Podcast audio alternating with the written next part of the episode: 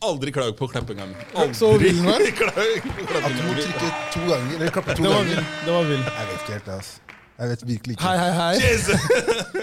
Shara til Ole Martin, Sindre, Goodiebag Media, Allan på kamera, Neda og Spaces. Velkommen Faen, til du var gutte... god i dag. Du likte den? Der var du god, jeg. Guttegarderoben, Yes. velkommen her. Jakob er her, Jeg er her. Kelle er her. Jeg er her. Og i dag så har vi med kongen av Bergen, faktisk. Vent, vet litt før du bare fortsetter. Du må slutte å si kongen og dronningen hver gang vi har noen gjester. altså. Ok, prins. Prinsen. Nei, vi Nei. det altså. Bare Leo fra Bergen. Der har vi han. Leo fra Bergen. uh, The ruler. programleder. Um, hadde programmet Flukt. Uh, Leder av NMG-huset. ikke minst. Skjæra. Skjær, bare ta opp telefonen din, Leo. Bare vis dem. Skjønner du hva jeg mener? Der. Der, ja. Sant. Velkommen, Leo. Hvordan går det med deg? Bare bra. Hva skal jeg si? Kunne gått bedre. Bare enda nærmere mikken, er du Det kunne gått bedre, for jeg digger jo å reise og reise til hjemlandet mitt, og sånn, men nå er vi i samme båt, liksom. Så, men fortsatt, det går bra, liksom. Jeg har jobb, ikke noe å klage over. Livet er bra. Jeg kan klage over at jeg ikke får tatt ferie, det er det eneste. Jeg ser den, ass. Jeg ser den. Jakob, hvordan går det med deg? Jeg lever, da. Skal ikke klage her heller. Jeg er litt uh, småplaga med ryggen. Men it is what it is. Jeg ser det. Du sitter veldig der. Hva skal jeg gjøre, da? Jeg er avspent som faen. Det er høye- høye skuldre Høye skuldre og Slapp av. ti- ti- Tight ass butt cheeks, men eh, hva skal man gjøre? Fy faen. Sånn er det. No homo. Cherokee. Ja, no homo, helt riktig. Det er de kaller det. Cherokee, Cherokee. Cherokee, ja.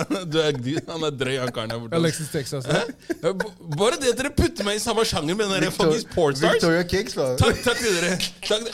Bra, vet du, du har det på rams, så er det så er det shortlisten din, eller hva, hva skjer her? Kjør, kjør, kjør, kjør, kjør, kjør. Kelle, hvordan går det med deg? Det går greit, ass. Ja. Ryggen min er i god form i dag. Jeg ser det. Så ja, klager ikke. Det er bra. Litt varmt her, da. God damn. Ja, ja, det, det, Oslo koker. Oslo koker. Det er veldig klamt og fuktig. Det er det. Det er ikke noe tvil om det. ass.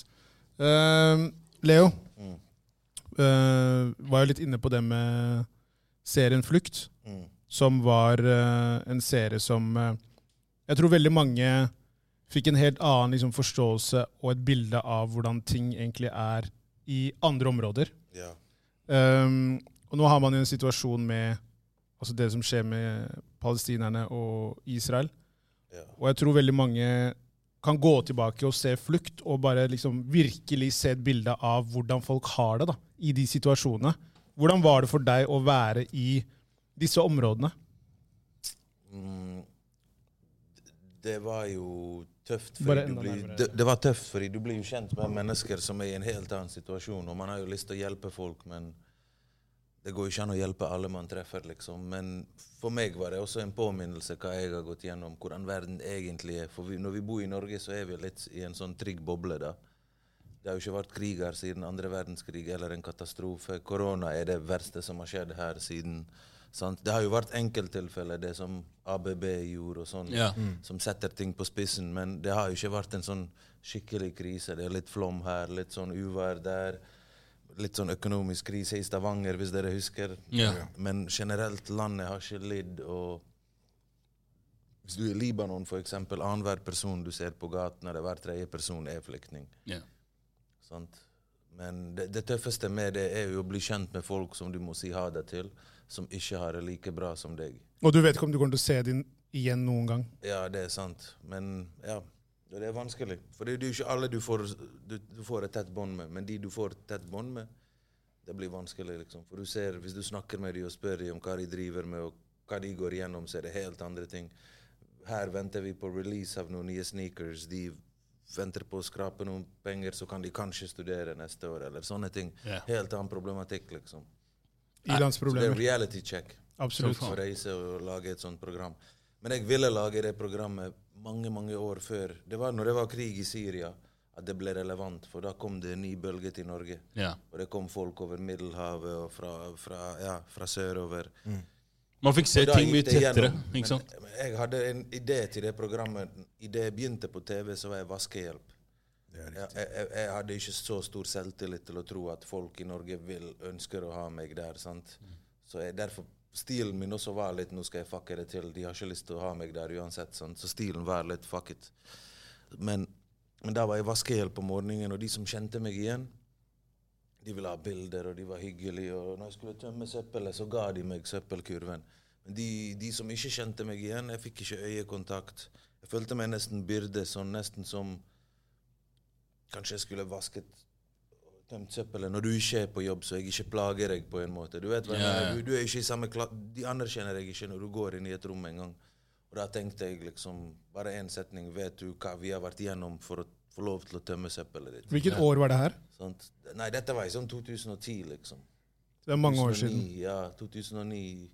Da sluttet jeg som vaskehjelp. noe sånt. Men jeg hadde den jobben et par år som Folk sa til meg det, det er viktig å betale skatt. Uansett hva du gjør, hva du holder på med, det er viktig å betale skatt. Så jeg holdt på med mye forskjellig. Jeg hadde også hiphop-label som vi holdt på å bygge opp, men jeg trengte en slags sikkerhet i bunnen, og det var min vaskehjelp. Det jeg gjorde på TV, ga meg kanskje mer penger, men jeg visste ikke hvor lenge det varte. Jeg visste at det er alltid ting som må bli vasket. Men det er fortsatt real da, at du klarer å på en måte se det fra det perspektivet, og på en måte ikke bli hva skal jeg si, litt sånn gass på deg sjøl og tenke at hei, er mer jeg er på TV nå, fuck den jobben her, på en måte, jeg kommer til å klare meg. Så det, det, jeg føler det er ganske, ganske voksent, da, hvis jeg kan si det på den måten, å fortsatt ha den i, i bakhodet. Ja, men det er litt synd òg, for mange andre så mer muligheter jeg hadde før jeg så de. På grunn av når du vokser opp, kommer fra et annet sted. Du føler, la oss si, som om Vær litt nærmere, Leo. Du ser ikke andre som deg som har fått det til, på en måte. Nei. Jeg vet at de som har fått det til, har studert økonomi, uh, jus, uh, andre ting, blitt leger, og det, den veien var fem år, mastergrad. Kanskje jeg ikke får det til. Du vet hva jeg mener, og da føler man press og shit. Men Kom det hjemmefra? At du tvilte på deg selv? Nei, de var jævlig kule hjemme, men det bare Jeg følte at jeg burde gitt plassen til noen andre enn å være i Norge hvis jeg ikke skal bruke de mulighetene. Og samtidig brukte ikke jeg de mulighetene som var her. Jeg greide ikke, for jeg trivdes ikke med det. Eller på, kanskje jeg har litt ADHD og litt sånn ADD. Og det er spesielt når man er sånn i den alderen når man prøver å finne ut hva man vil. Samtidig foregår det en fest, samtidig skjer det ting, samtidig venner er i studio, så det blir litt sånn mens i Du blir, du blir dratt i alle ja, retninger. Ja. Og, og liksom, hei, mine norske venner kan ha det gøy. Hvorfor må jeg tenke på fremtiden så seriøst? sant? Så til slutt ble jeg bare Jeg hørte fra foreldrene ta utdanning, gjøre, uten å presse meg. Men jeg ser at deres utdanning, der vi kommer fra, det teller jo ikke her. Nei. De må ta alt på nytt. De yeah. må, så det, det er bedre at jeg satser på noe som er gøy, så kan jeg alltid gå tilbake og begynne å studere som 35-åring. eller et eller annet. Det er faktisk sant. Det er aldri for seint, på en måte. ja, det var det. Jeg bare skjønte det en gang. Men jeg måtte ha noe sikkerhet i bunnen, og det var sånn For meg var det vaskejobb. Ja. Da kunne jeg Du begynner ni til fem, men når du har nøklene til de stedene, og du lærer deg rutinen, du kan komme fem og jobbe til elleve-tolv, og så Ja. kan du jobbe andre ting. Det er sant. Så jeg hadde en kurdisk partner, Haval het han, så jeg og han møttes hver morgen. Kurder, Allan hørte det. Shara til Kurdistan! Jeg og Haval, Haval BG Kurdistan! Mista rankerne. Ja, vi møttes tidligere enn det vi skulle begynne på jobb for å bli mye tidligere ferdig. For å slippe ru- rushtrafikk, for å all det der greiene. Så fem-seks om morgenen var vi allerede på jobb, sånn at vi kunne bli ferdig til lunsj på en måte. Men du grinda hardt, da. Ja, ja. Det var verdt det på en måte. Men ok, der, du- der fikk jeg idé til flukt på en måte, og så møtte jeg andre folk som hadde lignende idé, som har gjort lignende prosjekter før, og så pff, ble det et NRK. Men du jobber, som, du jobber med å liksom vaske, og så tenker du at du vil jobbe med noe kreativt. Jeg var på TV da, men jeg var, jeg var bare Ok, jeg skal være han utlendingen som, som er endelig en utlending på TV. For alle før meg Jeg skal ikke si alle før meg, men alle for meg som var der, som skulle liksom representere for meg, de var enten adoptert, eller så har de glemt eller ikke tatt med seg noe fra hjemlandet sitt. De har lært seg de norske frasene, de har lært seg å tulle sånn at nordmenn forstår det. Riktig. Men jeg tenkte hei, på skolen min Det er hiphop det går i, det er den slengen det går i. Det er liksom Til og med norske folk snakker mer gebrokken Ja. av oss enn Ja. omvendt. At jeg skal prøve å gjemme vekk alt det gebrokne og bli perfekt i å snakke norsk, noe jeg ikke greier. Og pluss de første syv-åtte årene når jeg bodde i Norge, det har litt med at jeg er gebrokken. Trodde jeg skulle tilbake til Bosnia, for jeg kom som flyktning. Jeg ble jagd vekk. Ja. Vi skulle tilbake, vi. Hvor, hvor gammel var du, når så går tiden. Elleve. Du var 11, ja. Så det var først når jeg var 18 at jeg skjønte liksom Oi, her må jeg kanskje bli. Men 11 er seint, altså. Ja. Faktisk, å komme Men- til et helt nytt land. Men la meg spørre om det, fordi i starten av Flukt så det startet man der er i Mostar. I den leiligheten eller blokka du bodde i. da. Men okay. den reisen når du kom til Norge ja, For jeg så med faren min. Og han også tenkte liksom det samme. sånn, Jeg spurte han sånn Når du kom til Norge, den derre 360 grader forskjellen med hjemlandet og det å komme til Norge, hva vil du si var de største forskjellene for 11 år gamle Leo? da? Det var jo at jeg kom fra et sted som fungerte. Mange tror at jeg kom fra fattigdom og behandler meg som jeg Jeg kom fra en periode med krig og hadde mistet alt, men jeg hadde kanskje mer enn det jeg fikk før jeg var 18-20 her, sant? med tanke på kjernefam kjernefamilie, eller hva det heter, noe av det viktigste. sant? Du trenger ikke være så rik i Norge, men så lenge du, din mor sin familie, far sin familie, du kan feire jul, gå på hytte, så fungerer ting, så skaper du minner. Og det hadde jeg. Det hadde ikke jeg her. Nei. Her kom vi, bare meg, far, mor. Jeg vet ikke hva de har gått gjennom, men de har ikke samme oppfølging til oss. Noe jeg heller ikke ville ha. Når jeg spilte basket, mine foreldre har aldri sett meg i en kamp eller noe, men jeg ville ha det sånn. Ja. De fleste på laget mitt ville ha det sånn. Mens de andre hadde heia, heia, heia. ja. Sånn. Så jeg har ikke blitt heiet frem i livet generelt. Nei. Det er ingen som har heiet på oss. Men tror, tror, tror du det også kan være Fordi det, det er veldig mange som typisk, altså hvis, Når du kommer hit som folk som er utlendinger selv, da, Mm. eh, så, så er det sånn du er jo satt i en situasjon hvor kanskje foreldrene dine også må rett og slett grinde Ja, for, å få, ba- sant, for å få barn til å gå rundt. Da Ja. Og det er klart, da, da har du ikke den der luksusen eller den tida til å kanskje gå og heie på sønnen din eller datteren din på den idretten du driver med. For det var alltid sånn at det- det er greit å hadde Marianne og kanskje Petter og et par andre der, men det var sjelden du så på en måte foreldra til utlendinger på laget. Og det ofte tror jeg henger sammen med at folk jobba jo 12-16 timers skift sant, for å få ballen til å gå rundt hjemme. da. Og det blir jo vanskelig, for du kommer jo fra helt andre kår. Du har ikke den der eh, tryggheten du snakker om her. Det er sant. Mange også er på sosen, foreldre. Er. De har heller ikke tid. Nei. For det at jeg har spurt om det her til mine foreldre og andre, og de bare hei, våre foreldre heter ikke på oss. Foreldre skal ikke være på fotballbanen. Mens nå er det andre tider. Nå er du utenfor hvis foreldrene dine ikke er på fotballbanen. Så det er veldig rart. Jeg husker en av de første, han het PK, kalte vi han. Per Christian eller noe sånt, som begynte på basketlaget vårt. For basketlaget vårt var fra skolen vår.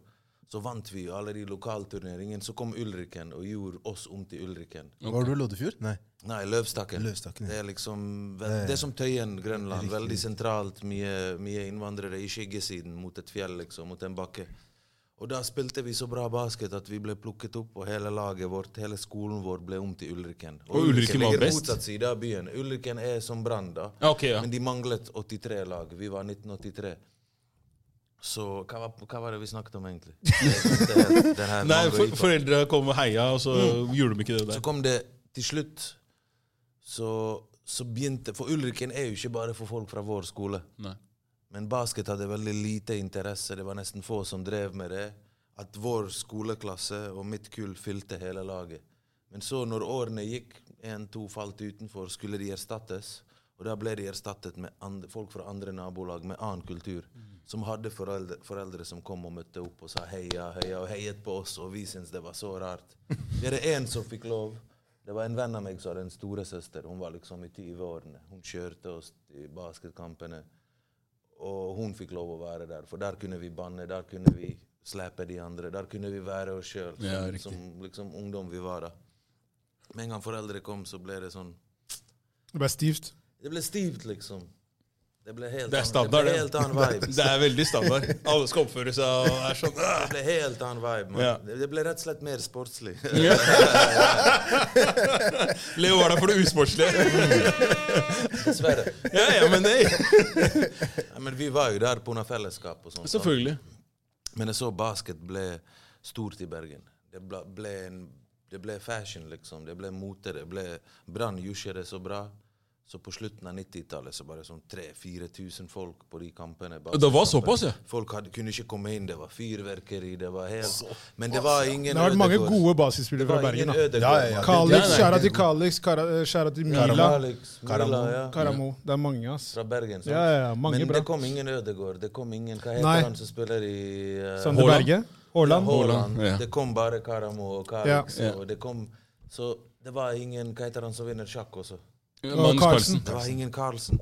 No, folk digger sjakk pga. det er en nordmann som får det til. Ja, Det var mange flinke norske der, men, men det var kanskje en litt for multikulturell idrett. Jeg vet ikke hva, hva greien var. Det, det var liksom Og til og med for oss som er multikulturelle miljøer og sånn, vi så at de gutta som var basketstjerner, de måtte jobbe på SFO, på skolen.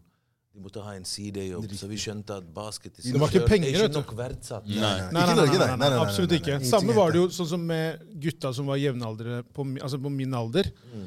Når jeg spilte fotball og de spilte basket, så var det jo sånn du så, Det var veldig veldig stor forskjell. Det var jo ikke noe satsing. ikke sant? Så det var en helt annen greie. Så det tror jeg på en måte har smitta over også på byer som Bergen. Og, fordi det er veldig mange talentfulle basketballspillere. Men så tenker du det er, det er ikke noe Nei. Systemet er ikke der for at du på en måte kan for eksempel leve av det, osv. osv. En nordmann må komme til NBA, og så kommer det til å bli det. Nettopp. Yeah. Det må komme på nyhetene. Det må bli sånn oppfølging av mer enn foreldre.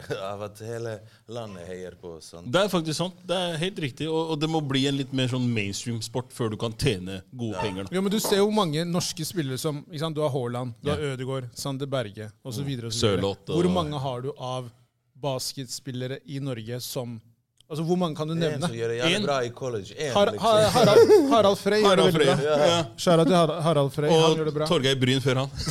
Men han, Torgeir Bryn prøvespilte, eller preseason. Han spilte aldri på Clippers. Clippers Spiller han ikke én kamp, da? Jeg tror han har én kamp Men det er preseason, tror jeg. Det kan være, altså. Men det liksom- holder. Google, Men det bare google Ja. Du kan dra på utesteder og si til damer Hør, da, jeg spiller på Clippers. Nordmenn har aldri hatt NBA-spillere. De har har hatt prøvespilling til NBA, og sånn, men har aldri fått en NBA-kontrakt. Så han har ikke en offisiell kamp for det. Nei, han har offisiell preseason. Det har også Master P gjort. Men Master P spilte. på Han var god, Han var altså. sikkert bedre enn Tore Master P har gjort mye rart. Altså, Romeo. Romeo også var bra, faktisk. Nei, han var ikke det. Eller Var det ikke en lang Romeo. film? Han der som trente med han DeMar, men det gikk ikke helt veien. altså. Det er sånn som skjer. Han, han var med i 98-draften, men han ble undrafted. Hvem, snakker, hvem snakker du om? Torgeir Bryn. Torgeir Bryn. Ser du, han ble ikke plukket ut til å være med. Han er, men det står jo at han er eneste Norwegian som har uh, Han er blitt løyet til, ass. Ja. Jeg er blitt løyet til i alle år. Han er eneste nordmann som har kommet så langt, men han har ikke fått det helt til. Nei. Men hadde han fått det til, så kunne kanskje Norge blitt litt mer en basketnasjon. Det kan være.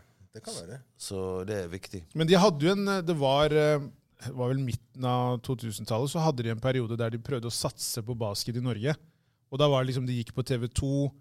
Det var liksom, det var mye greier. Jeg husker når de kom ut, så var det liksom fyrverkeri. Ja, ja, ja. prøvde å gjøre en greie. Det var på grunn av han Det var der det er en trener som David Swan. Ja, riktig. Det var det jeg Riktig. Han fra Bergen. Ja, Ja. Men greia med det var at de merka at det var, de klarte ikke å tjene penger på det. Det var ikke nok folk som så på det. Så alt bare kollapsa. De brukte jo masse penger på det Men når det. var bra, så var det bra. Det var kult en periode, men Det igjen, som skjedde, var at det var som en nytt spillerne fikk en skikkelig trener som var kanskje litt for røff, som ikke var din kompis. Han kom der, og de som slacket, de måtte sitte på benken. Og de som gjorde innsats, de fikk spille, og det var skikkelig regime. Og mange spillere klagde på det og sånn, mente han var for tøff. han var for... Og da falt det fra hverandre. Neste trener kunne ikke opprettholde det. Vi har en egen butikk i Bergen som kun solgte and one. And one ja. Er det sant? Ja, ja, ja. Den ble ranet, så du så alle Alle i nabolaget mitt. I nabolaget mitt. Alle som, alle som solgte drugs, gikk med And one. I, Alle dope dealers. It's a pandemic! business, back in the days. Ja, ja. Wow. And one, ja. Det var én fyr, en fyr sin vilje og hans innsats, men han ble litt for mye for andre. Men han amerikaniserte det. Han hadde cheerleaders. Han, hadde, uh, han, hadde, han visste at basket i USA var mer enn basket. Det var er show. show. Yeah. Det var rapping i halftime. halftime. Det var, altså jeg husker jenter fra Oslo reiste til Bergen for å se på basket og se på de og henge med de basketspillere og sånn. Ja, jeg husker jeg har sett Mira Craig der, i hvert fall. Ja, det er sant. Det er sant, mann. Da var sånn 13-14, men jeg husker det på den tiden.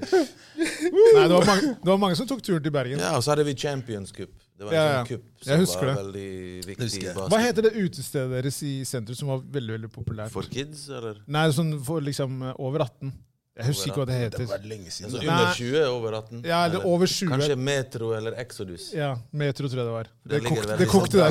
Det kokte der. Ja, ja, ja. Ja, ja. Bergen er eneste byen Og de jeg har likte, vært i. de likte gutter fra, de likte gutter fra uh, Oslo. Sant? Det, det var ikke noe Men det går om det. begge veier. sant? Det går 100%. begge veier, altså. Ja, Det går begge veier. Le Leo kom hit med den dialekta, og det var som smør for folk. Ja, altså Mange tror jeg er fra Sverige, faktisk. Seriøst? Som ikke vet hvem jeg er. De bare 'Er du svensk?' Såpass? De bergenskene mine er litt sånn fucket. Nei. Så, ja. Men hvis du kommer til nabolaget mitt i Løvstakken, så snakker jo en del kids akkurat sånn som jeg snakker på en måte. Takk credit for med det. skarre-r. Bergens med skare R. Ja. Men la meg spørre, Hvordan var det å vokse opp på, i, altså, i Løvstakken? Du sa det er liksom som Tøyen i Oslo. Ja. Hvordan, altså, Var det sånn at det var en liten periode på 90-tallet hvor det var veldig mange, at det ble veldig multikulturelt? Mm. Okay. Det var et asylmottak rett ved siden av skolen vår. Nå i dag så er ikke asylmottakene sentralt. Der det er fraflytning fra mennesker, der plasserer de asylmottak. Riktig. Men 90-tallet, da, kom det veldig mange folk. Alle kurdere, iranere, somalere, bosniere. Det var da vi begynte å komme. Og da var til og med asylmottakene i sentrum. Ja. Så du kunne være i kontakt med mennesker, bli kjent med øh, urbane kultur. Ikke vet jeg, mye ting. Du hadde muligheter å skaffe deg til og med svart jobb hvis ikke du fikk mulighet til å jobbe. sant? Ja. Sånne ting. Så det var et asylmottak rett ved skolen vår. Og til og med når folk flyttet fra det asylmottaket og fikk bostedsleilighet og alt, så kom de tilbake til nabolaget og spilte basket og hang med gjengen. Så det ble sånn hangout-spot, da. Ja, så det er akkurat som om alle har vært innom Tøyen her på en måte en eller annen gang. Men nå ikke er det sånn lenger. Nå folk kommer til sånne Finse og sånne steder to Ja, ja. timer utenfor Bergen. Så nå, ja, nå er kuer naboer og, sånn. ja, og sauer. Ja, ja. Nei, men det er jo det. Det er det. Det er det absolutt. Det blir mindre og mindre sentral, eller lok- urbane asylmottak. ja. I Oslo òg var det her. Min onkel var her et eller annet sted. Sinsen, kanskje? Eller, Ja. Jeg er litt usikker. Men veldig Sinsen er det. Det er riktig. På Sinsen. Ja, veldig sentralt i dag. Bare glem. Ja. Men det er rart, man, man ber om integrering, da, men samtidig så bare plasserer du dem på sånne områder hvor teknisk sett ingen vil bo. da. Mm. Hva, hva, gjør du med integreringen, liksom? Integre integrering er vanskelig. Det er som jeg sier, altså, som, liksom, Når du kjører til Valdres, der mamma er fra Det er sånn på, altså, det er på sånn, sånn vidde. da. Det er ingenting der. Du kan ikke gjøre noe. Du bare er på det samme stedet der 24-7. Man blir gal. Tenk hva du kommer fra, da. Så havner du der. Det er tungt. Begynner å tenke sånn, Hva er det, hva er det verdt det, liksom? Absolutt. Jeg Det tenker er mange noen som har, sliter med klagd. det. noen har klagd. Ja. Noen har sagt sånn Hei, verdien på eiendommen min går ned. Please, flytt deg. He- helt klart. For jeg vet i Bergen vi har narkomane. Litt sånn som i Oslo. Du har hatt sånn som Plata. Vi har Brugata, Nygårds- liksom. Nygårdsparken. Ja. Så blir de flyttet et sted her, og så blir de flyttet et sted der, og alle klager, liksom. Så jeg, når jeg tenker meg litt tilbake, så kan det hende at folk klagde. Er Eller at politikere kuttet ut støtte i store byer og heller flyttet det til steder med fraflytning og sånn. Så jeg, jeg vet ikke. Men Nei, jeg, jeg føler ofte hvert fall at eh, argumentet da, når, de- når de velger å på en måte flytte folk si ut fra byene, så er det ofte med, med den, der, den begrunnelsen i at eh, ja, men den fører med seg mye kriminalitet og mye på en måte henging og mye altså, den, den type ting som du prøver å unngå. Da, litt sånn at eh, Folk har ikke noe å gjøre. Og du vet, som du sier, at du kan ikke få jobb, og sånne ting, men samtidig så står det kanskje fem afrikanere og henger utafor sjappa di, og så tenker du sånn Hei, de ødelegger businessen min. Ikke sant? Så kan dere bare remove, remove the problem, så kan vi også klare å leve alle sammen. Så jeg, jeg, jeg ser det, og det er klart du må huske at Bergen 90-tallet kontra Bergen i dag er to helt forskjellige Nei, steder. det var noe helt annet. Vi så de mulighetene som var her, og begynte å bruke de. Det var ikke så mange nordmenn som Det var ingen nordmenn som solgte gatemat. Nei. Og det var ikke nok kebaber. Så vi begynte å selge gatemat, barn og foreldre. Vi kjøpte rundstykker, kuttet de opp. Eggerøre, laks. Altså det som var vanlig å spise om morgenen. Sånne Ja. ting vi har sett på Hvis du er på seminar, så ser du sånn skiver, buffé. Så vi, vi, vi tok sånn handlekurv. Tok belte over halsen. Connectet det med, med handlekurv. Smart, Hadde smart. Rundstykker. Vi fant et sted som hadde 50 øre rundstykker. Det het Mekka Bazar. Alle andre steder var 1 krone. Så det ble 25 øre per stikk pluss pålegg. Du selger de for 10 kroner. Ja, ja. Og eh, ja, og, og så ble det skjattet ned på. For en del ting var lov i Norge før, men nå ikke er det lov. Akkurat som en del folk begynte å tigge når sigøynere kom, og de begynte å tigge. Og Da går jo det utover den lokale nordmannen som må tigge fordi at folk begynner å klage og sende inn klager. og bare 'Nå er det nok tigging'. nå. Det er sant. Sånn? Så det var en del ting vi ikke visste hva som var lov og ikke lov. Vi så en del muligheter, og vi begynte å innføre det i Norge. For Jeg husker i Bosnia, rett før krigen, fritermaskin kom. Ja. Som du kunne ha hjemme som riskoker. En sånn, Ja, ja, ligner på han der RD2, hva heter han? Star Wars. ja, ja, ja. Du bare putter, åpner hodet hans, putter olje oppi. R2D2. Ja, og folk solgte det på hvert hjørne, sånn i en hvit, liten pose. Du får litt pommes frites, ketsjup eller majones, hva du ønsker. Yeah. Og det kostet som om det skulle koste fem kroner i dag. sant? Eller ti kroner, kanskje. Og det var for kosens skyld òg. Så vi tenkte la oss bidra med noe koselig, noe nattmat. Yeah. noe... Det er alltid vanlig å kjøpe kastanjer, stekte kastanjer, grillet mais. yeah. Et eller annet, kokt egg, whatever. liksom. Bare Men klarer du å gjøre det noe profit, da? Eller var Jo, det? jo, det ble sånn 500 kroner på en kveld. og sånn. Ja, det er ikke gærent, 400 kroner på en kveld, for du selger 50. Du tar med deg 50 rundstykker ut. De skal ut for 10, 10 kroner stykket. Kanskje det dyreste var 15. Det var eggerøre og laks eller noe Ja. sånt. Men de, eh, Og så neste dag må du spise alle de der Ja. som er til overs. Men uh, det ble litt profitt, og så samler man gjerne flasker på vei hjem. Jeg visste om en bensinstasjon som pleide å legge ut hver lørdag eller søndag kveld melk som var gått ut på dato. Ja. Så vi tok det og lagde sånn ost sånn Du er fra Eritrea? Stemmer. Smaker som den osten du får ved siden av spinaten. Den, Ai, ai, ai, ai, ai, Du er den hjemmelagde ja, ja. hvitost. Vi kokte melk, tok av de der klumpene på toppen, helte ut vannet. God stemning. Bra litt- saker. Ja, bare en liten digresjon å være inne på det. Det må spørre deg om det, Leo, for du er fra Bergen. Mm. Sist gang var i Bergen, det er sånn Hvorfor er det så jævlig mange eritreiske restauranter der? Jævlig bra og... Ja, men det er dritbra. Ja, men der er, vi er enige der. Jeg Ja, ja. ikke sånn, men det er, det, det er jævlig godt. Det er Jeg sa, community. jeg sa det i episoden. Den beste eritreiske finner du der borte. Altså. Ja, du gjør det. du gjør det. Det er ikke kødd engang. Det er dritbra der borte. I Oslo er det litt for lite etiopisk mat, syns jeg. Ja, det er bare et par mange- steder. Nå De siste årene har det kommet litt flere, men det har, vært, det har tatt lang tid. Det- ja. Altfor lang tid. I Bergen er det fire, fem, seks restauranter jeg vet om som er bra. liksom. Det er såpass, ja. Men det er, det er liksom der nordmenn spiser her, som, som, om det som det ikke er noe. Da. Jo, men det er, De har begynt med det her òg. Hvis du har vært borte på Hakuna Matata, vi har Ja, ja, spist der. ja, vi har spist Der er det du ser, der er du begynt med takeaway òg, ikke sant? Ja, riktig. Veldig mange folk fra alle mulige kulturer kommer innom, henter litt mat, stikker. Det er sånn du vet at det er etablert. da. Ting skjer Mm. bak kulissene. Alle, bo- alle bortsett fra Den voksne er eritreere. liksom Den er såpass annerledes at det er litt opplevelse å spise det. Og I hvert fall hvis det er sånn tradisjonelle lokk, og du skal spise med hendene. Og for mange blir det sånn Eli 40, Kulinarisk eh, opplevelse. Eli 49 jobber med integrering, tar med venninnene sine. Ja, men det er sant. Det er fakta. Det Det er helt riktig. Ja, Det er sant. Ja. Og det samme jeg har sett de har i Amsterdam, i Barcelona. Jeg har gått og testet ut de, og det er ofte en opplevelse, for du spiser annerledes enn Det er litt som når sushi kom, eller noe, Ja. sant? Det er sant. noe annerledes. Det er mange bølger da, med, Ja. med mat fra forskjellige Vi steder. trenger, vi trenger nigeriansk mat her nå. ass. Ja, Stepp opp, da. Gjør Nei, noe med det. De har, de har ikke de her. Ikke restaurant. altså. Men hvorfor har dere er, ikke det? det er sånn tanter som ser litt her og der. Men er Svar på hvorfor dere ikke har det. Hæ? Hvorfor har dere ikke det? Du vet, det er sånn Du må like det, da. Det er ikke, sånn der, det er ikke, sånn, det er ikke en kulinarisk opplevelse sånn, når du ser det sånn. her, Men det er jævlig godt. Jollof rice er magisk. Men jollof har det jo hele Vest-Afrika. Det er ikke Ja. for Nigeria. Men hvis du skal begynne liksom med Semo. eba og amala og med og egosi og sånn, da begynner liksom Du må Du har sett det. Du, du, du må, det er jævlig godt, det, ja. men du må vokse opp med det greiene. It's an acquired taste, er det det du prøver å fortelle meg? Så, Det er ikke for, det er ikke for alle. det er ikke for alle, Det men er, ikke, det, det er en ærlig sak. Det er, det er mange ting jeg ikke klarer å spise. Sånn, bare fordi jeg ikke er, custom, altså, jeg er ikke vant til det. Og det som er når du ser liksom eritreiske restauranter du, Det er mange eritreere der, men jeg vet ikke om nigerianere liksom, Kompisen til faren min liksom, Nei, nå stikker vi ned til liksom, hun der og spiser nigeriansk mat. Jeg tror ikke de ville paya for det. skjønner du? Å, ok, ok, jeg skjønner. jeg, jeg, kan, jeg kan si såpass hva gjelder eh, innenfor eritreisk miljø, sånn voksne i hvert fall. Nå falt vi helt ut. Nei, nei, men, men vi snakker om mat, da. Vi snakker om mat. Jeg tenker Vi refererer til restauranten her. Det er ingen i den foreldregenerasjonen min som på en måte er i familien min, eller som, som er i slekta mi, som har det for seg at de skal dra ut på restaurant for å spise på en måte eritreisk mat. Det er- skjønner du, det fordi du kan å lage det- du kan lage det er hjemme. bare ja, det er akkurat det. du og, de, det og det som er hovedproblemet, de stoler ikke på at den personen Det er som har lagd maten, ja. lager bedre mat enn dem selv. Det er. Det er mye, det er mye, er det det er mye konkurranse der. Sånn er Det i Bosnia det. òg. Og våre retter tar ofte lang tid å lage. Det er håndarbeid. I Bosnia, de som lager burek, Ja. vi kaller det burek, børek i Norge, de lager bare burek. De kan ingenting annet. Det er yrket deres. Ok. Ja. Så har du noen som lager chewape. Er dems, er det er dems yrke. Ja. Så det, er ofte, det tar ofte Skulle jeg lagd den maten med tarifflønn og avtale og sånn, det hadde kostet 200 spenn for hver lille Tarifflønn du skal ta så liten deig, så skal du strekke den over Ja. hele dette bordet.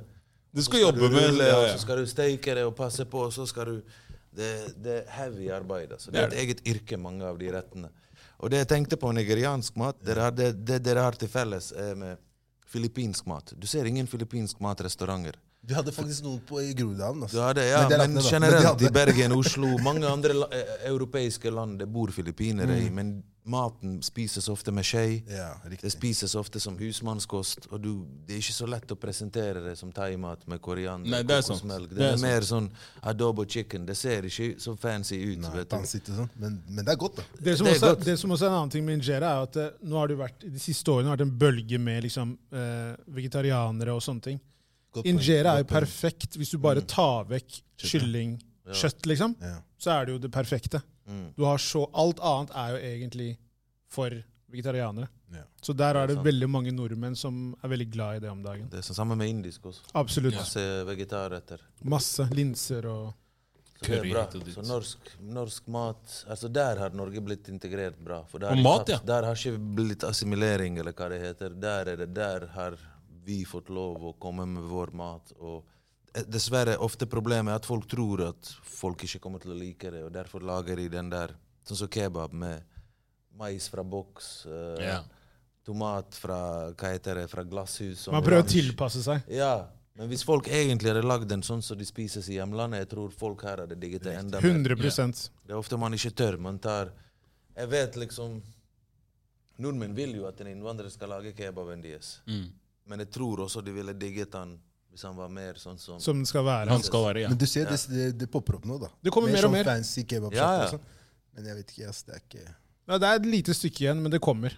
Nordmenn, nordmenn reiser jævlig mye. da. ja. Altså, Vi er jo blant de som reiser mest, på en måte, i, når du ser over Og så har man jo penger òg. Selvfølgelig har Man man, kan det, men, bruke penger- men jeg tenker altså, det er litt sånn som Leo er inne på her, at jeg tror de vil ha den opplevelsen. Ikke sant? At du vil dra til Hellas, da, for hva enn det er for noe, så vil du spise på en måte autentisk gresk mat, kanskje. Ja. Ikke sant? Så Det er den opplevelsen som du sier. da. Så er det jo folk som vil si faen også. Se, selvfølgelig. Bare selvfølgelig. pizza, Det er det sånn alltid. alltid. Ja, ja, ja. Men for å dra litt tilbake til uh, den serien Flukt, da. Mm. Jeg ble Jeg så Gjorde inntrykk det der med Du har jo Jeg vet jo, men jeg har jo familie selv også som har tatt den veien gjennom ørkenen og sånn for å komme til Europa. Hva var det som gjorde inntrykk av deg med de historiene som ble fortalt av de, du, de intervjuobjektene dine? Som annet han Sambo Yang, historien med Det Sambo var det Yang. større som- Sambo Yang sin historie var tøffest, for da hang jeg Da Så skulle Ikke jeg med en gang avbryte deg, eller jeg skulle bare kjapt. Han Sambo Yang han døde, en av de som døde under overgangen overgangen til eh, Ok. Så da ble filmet, da. Ja. Så han drukna. ja. Stemmer. Nei, Det var tøffest. Å bare treffe familien og se ting. og Bli kjent med han gjennom hans død. Det første jeg ser, er at han drukner. Hvor han drukner, og så går vi derifra tilbake til Gambia, der han kom fra. Jeg har jo venner fra Gambia som er her, som, som ikke er fra et område som har opplevd krig, men de har andre grunner. Fattigdom, de har en diktator, de har en det kan være politisk, politiske grunner, det kan være seksuell legning. Ja, det også blir politisk grunn på en måte. Mange grunner til at folk må forlate. Og da blir det litt sånn reality check òg, sant. Hvor mye forskjellige grunner det er. Det, ja. det var det tøffeste, for da ble jeg kjent med en fyr som ikke er her, gjennom broren hans. Og jeg hater jo å spørre spørsmål som får han til å tenke på sin døde bror. Så det var ekstra tøft. Og så ender vi opp med å treffe moren, faren, hele familien, spise sammen med de, være hjemme hos de. Og da, det, det, det er sånne og da er det ekstra tøft å si ha det òg, for jeg vet jeg skal tilbake til Norge og gjøre min ting. Mens han skal bli igjen der. Og, for han var egentlig på vei til Europa, han òg. Han bare snudde. Ja. På noen forskjellige grunner. sant? Det var en veldig, veldig veldig bra, tøff serie. Det er litt rart å bruke ordet bra, men uh, det gjorde masse inntrykk på meg også, fordi uh, som du nevnte i stad, jeg er fra Eritrea, og det er veldig mange som har prøvd å komme uh, via Italia spesielt. Ja. Og jeg har jo slektninger som har prøvd og mislykket. Ja. Så den, den serien der var virkelig en øyeåpner. For det er noe med når du ser det. Mm. Ikke sant? Det er Man- helt det er, det, er, det er helt ekstremt, og eh, man, man, det setter ting i perspektiv. Da. Det var, eh, så all, all honnør til deg som klarte å gjøre det. Ja, takk, mann. Det var, det var tøft. Og jeg møtte mange fra Eritrea, Etiopia, Eritrea. Det, det kan hende noen sier de er fra Eritrea når de er fra Etiopia, fordi det går an da å, å komme seg gjennom uten å bli dømt, er eller uten å bli, for, for å få et bedre liv. Men, og, og, og mye av det som jeg ikke skulle filme, som jeg så også, som aldri kommer på kamera, for det var ikke det jeg var ute for å dokumentere. Nei. For eksempel, jeg var i Italia, og der var det liksom asylmottak som ble brukt som trap houses. Ikke sant? Det var Én av elleve var jenter, og de, der kom det menn for å kjøpe sex. Ja. Jeg vet ikke om de jentene var frivillig helt med på det, eller om de måtte, Ja. om de hadde gjeld. Guttene De få jeg møtte som ikke røykte marihuana eller brukte narkotika, de fikk ikke bli med og plukke tomater. Av, av Ja, asylsøkerne? Ja, av den mafiagjengen som kontrollerte Riktig. asylmottaket. Fordi de sparte pengene og kunne komme seg vekk. Riktig. Men gutta, ja. gutta som kjøpte weed og røykte opp pengene samme dag, de fikk bli med på jobb, for eksempel, når jeg snakket med dem. Han ene jeg var med, gikk på heroin også. Det, man så det ikke på kamera, men han, han Jeg ble tilbudt å kjøpe heroin av asylfolk. Fordi at de selv, Det var liksom 16-åringer som ikke Ja. sjøl visste hva det var, som brukte det. Som har Verden er ingen mørk, penger, ass. ingen muligheter. Ja. Jeg så maten de spiste. Det var ofte pasta med litt tomatsaus bare. That's it, liksom. Ja. En stor, stor sekk med pasta og ris som sto i gangen. og Mm. For noen som driver asylmottak, de får jo noe støtte fra staten, og så prøver de å gjøre det så billig som mulig. og gjøre det Selvfølgelig. om til en business. Så jeg så mye ting som ikke jeg kunne dokumentere. Men hvordan Mange, mange unge menn selger sex, f.eks. ja. Mindreårige gutter Ja. som blir kjøpt av andre voksne menn. Ja. Jeg så mye ting som jeg reagerte på, og mye av de tingene som jeg så, havner også på bordet vårt her. Det er en grunn til at tomat i boks kan koste tre kroner eller fire Ja, kroner. riktig. Fordi den mennesker har blitt billigere enn maskiner. Riktig. Hvis du skaffer de Det er Og, det, og den arbeidskraften der, som du sier da, hvis du veit at de pengene jeg gir deg, går uansett tilbake inn i lomma mi Ja. i, på en annen, i en annen Ja. form, så, så er det det- selvfølgelig gjør det det. Det er gratis arbeidskraft. på samme sted. Ja. Og så har de sesongarbeid. Sånn. Den tomaten kan ikke plukkes hele året. Nei. Så de plukker tomat og så oliven i høsten, og så kanskje appelsiner litt på våren, eller hvordan det fungerer. Det Ja, det ja. ikke, men det er store områ- deler med ingenting. Ingenting. Ingen penger som kommer inn. Nei. Da, for noen de vil videre, noen må vente. Men noen bruker opp pengene mens de venter, fordi de får drugs og andre ting. Og så, ja. Men hvordan klarer du omstillingen å komme tilbake til Norge etter at du har vært på den innspillinga der? Det må jo ha vært jævlig tøft. Jeg er jo også tøft. fra Bosnia, mann. Ja. Jeg reiser ut til Bosnia hele tiden. Vi har alt det der som får Nå er jo flyktningene i Bosnia og sitter fast der. Ja. Helt oppe i nord, og der òg blir de plagd av lokalbefolkningen og folk som Kanskje ikke de har vært flyktninger alltid. Noen av de har jagd folk på flukt også. Noen har vært flyktninger, ikke vet jeg, og ikke har lært bedre. Men Det er mange som hjelper de også, men det er mange som er ute og jakter etter de og passer på liksom Europas grenser. Ja. sant? Noen som Sånn er det alltid. Sånn, sånn vil det uansett være. Ja. Jeg tror ikke du kommer bort fra den kynismen, da, hvis du Ja. sier det på den måten der. På begge parter. Altså Både de som prøver å holde de utafor, hvis du sier det sånn, men også de som på en måte utnytter dem. Da. Og Uansett om du er asylsøker sjøl, eller hva enn det er for noe. For det, ofte så er det også sånn de sier at eh, hvis du tenker at de gutta som på en måte har råd til å reise, da, i hvert fall de som reiser aleine Det er ofte folk som kanskje ikke alltid har grunn til å reise heller. Så hvis du Misforstå meg rett når jeg sier det, men det er mange av de gutta som kanskje styrer Trap House og sånne ting, som også har drevet med noe hasling ellers, og som har klart å på en måte få de kronene og gjøre de Ja. tinga de gjør, og kommet seg dit de er. Rett og slett. ikke sant? Så Det er derfor jeg sier det er ikke Nei, jeg så en heavy, en somalier som kunne skikkelig engelsk. ja. Altså Beklager at jeg sier somalier, men han var fra Somalia, faktisk. Han hadde bodd, sikkert vært født i England, jeg vet ikke. Han var crackhead, da. Ja. Han var abstinenser og manglet tenner og hadde sånn altså whiskystemme ganger ti, liksom. Og han kastet bæsj på folk og kalte alle for white pigs og bare klikket helt pga. abstinensene. Men han ble deportert, så jeg. Han hadde blitt deportert fra England, skaffet seg penger i Somalia yeah. og prøvde å reise backway tilbake til London eller Riktig. whatever.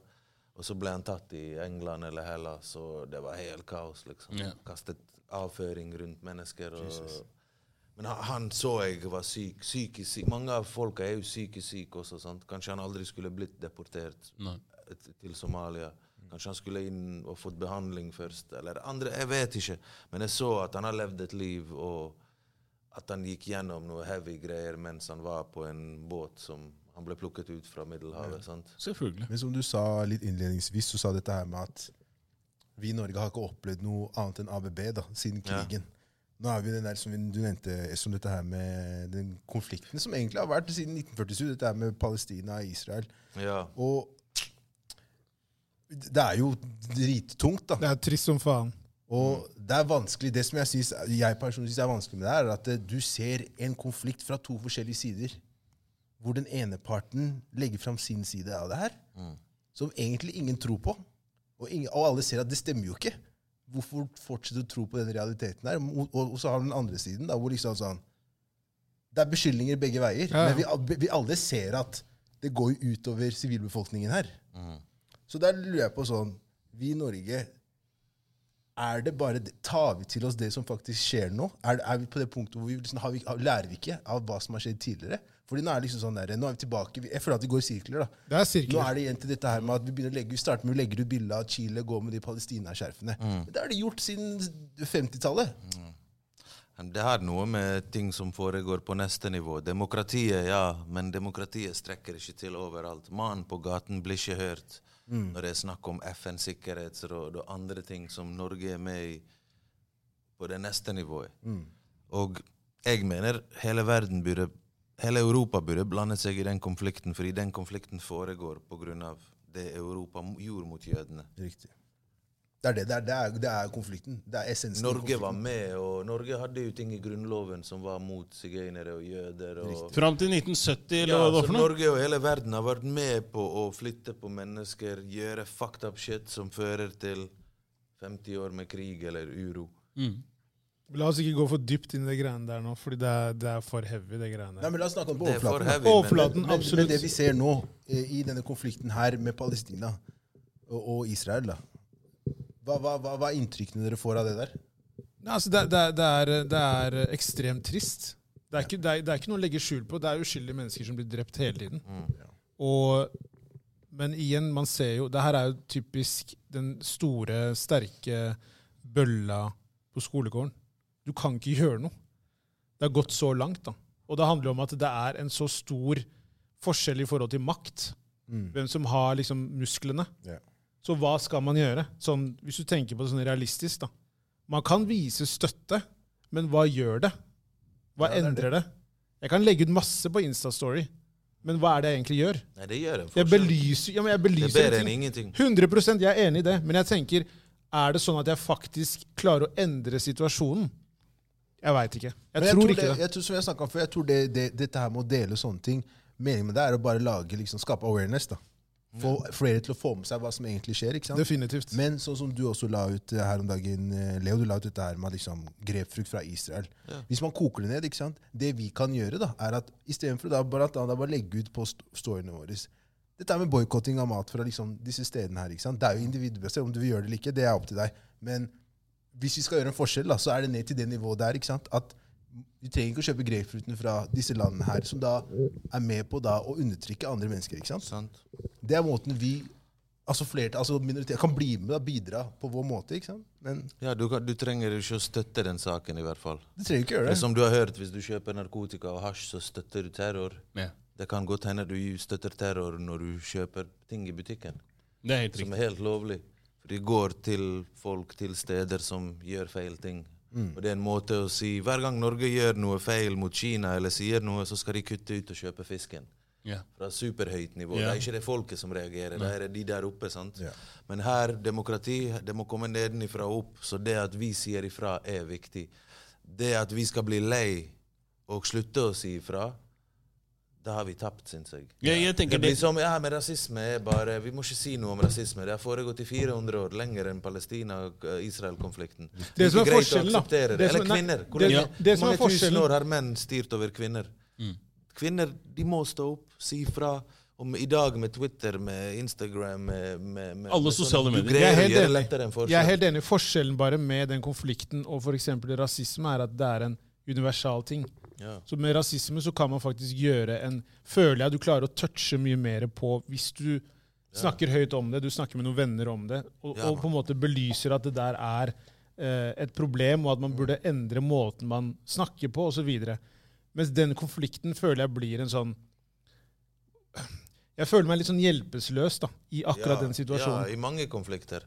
Ikke bare den hva Kina gjør med urbefolkningen. Der òg. Sant? Det handler ikke bare om at muslimer får, eller kristne får, eller i Eritrea, Det er mennesker, liksom. Eritrea, Etiopia er helt annet. Det er ikke, 100 det, det, og noen steder er det muslimer som tar andre, og, og det går rundt og rundt. Ja. Men, men det handler om å ikke støtte det, i hvert fall, når du er bevisst på at du støtter det.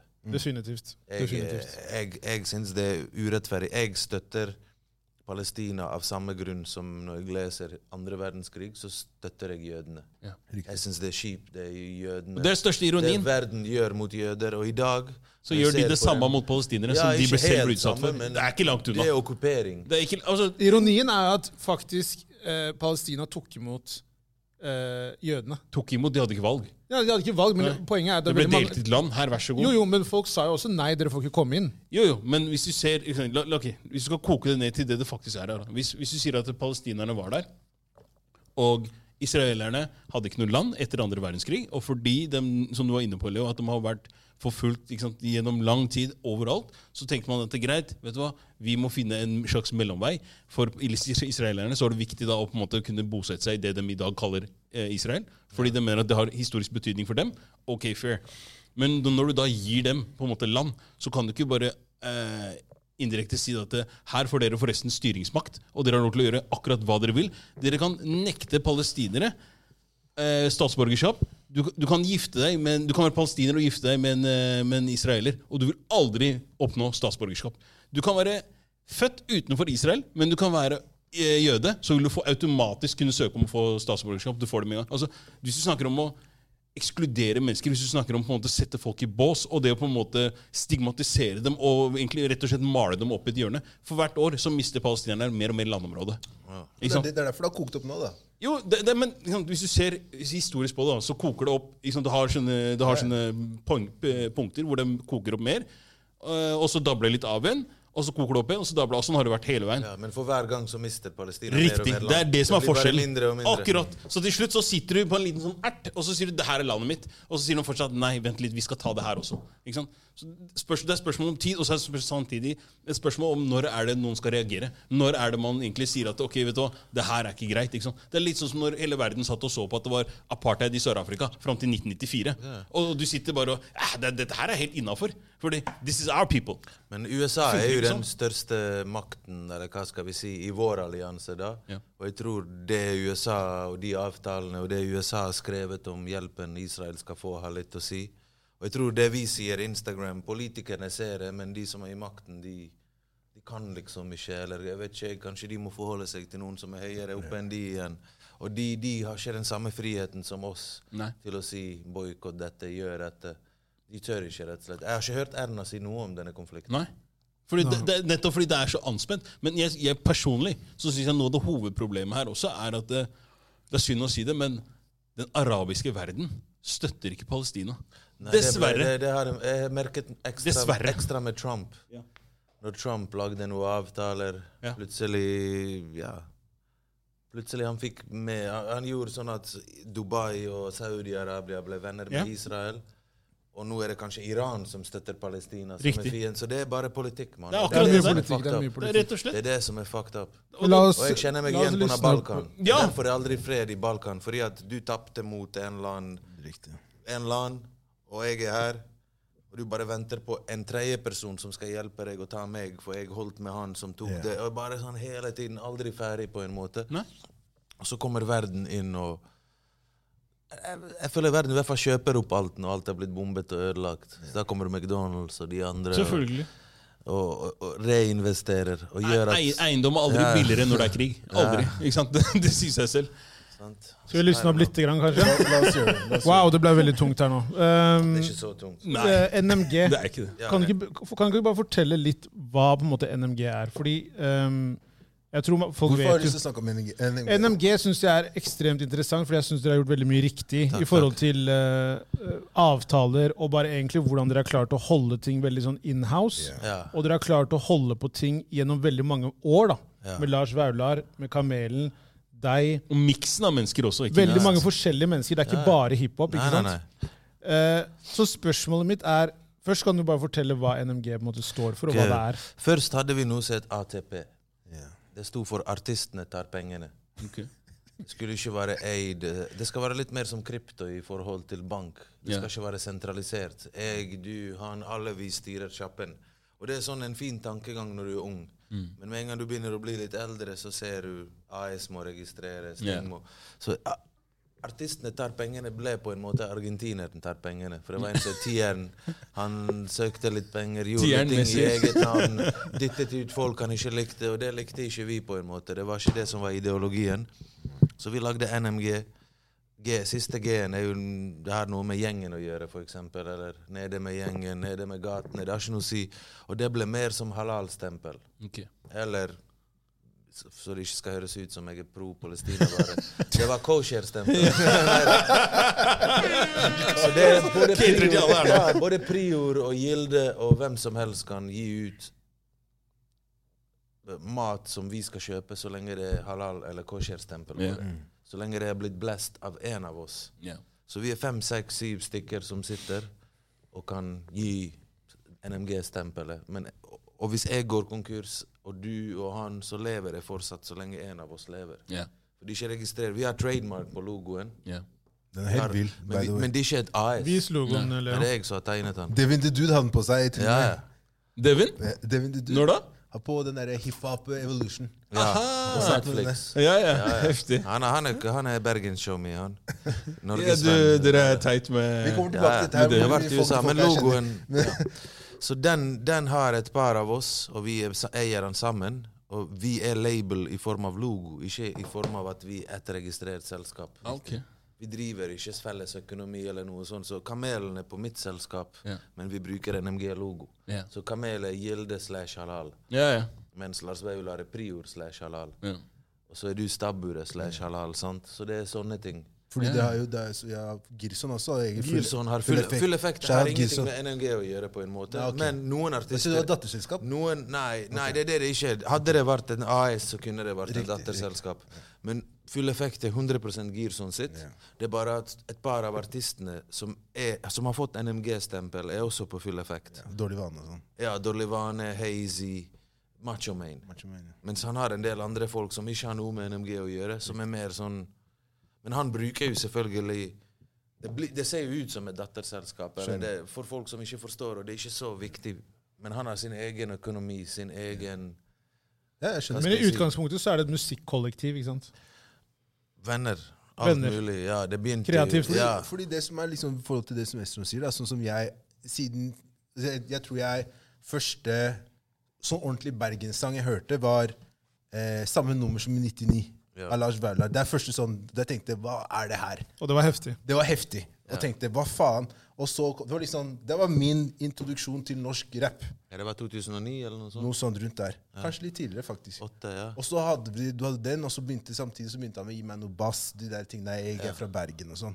Samtidig hadde du da A-laget som kom, og det var bare Jeg husker jeg hørte den Ja Ja-låta. Ja, Store crazy. P og sånn. Jeg bare Hva faen Store er P er vill, ass. Ja. Store! P er vill. Han kunne vært med i Bond Thugs and Harmony. Karen er noe helt Han er spesiell. Men det som er greia, er at det, som man ser da Som jeg syns alltid har stussa på med Bergen, er sånn herre Hvordan dere alle sammen bare Det virker som dere alle har ryggen til hverandre.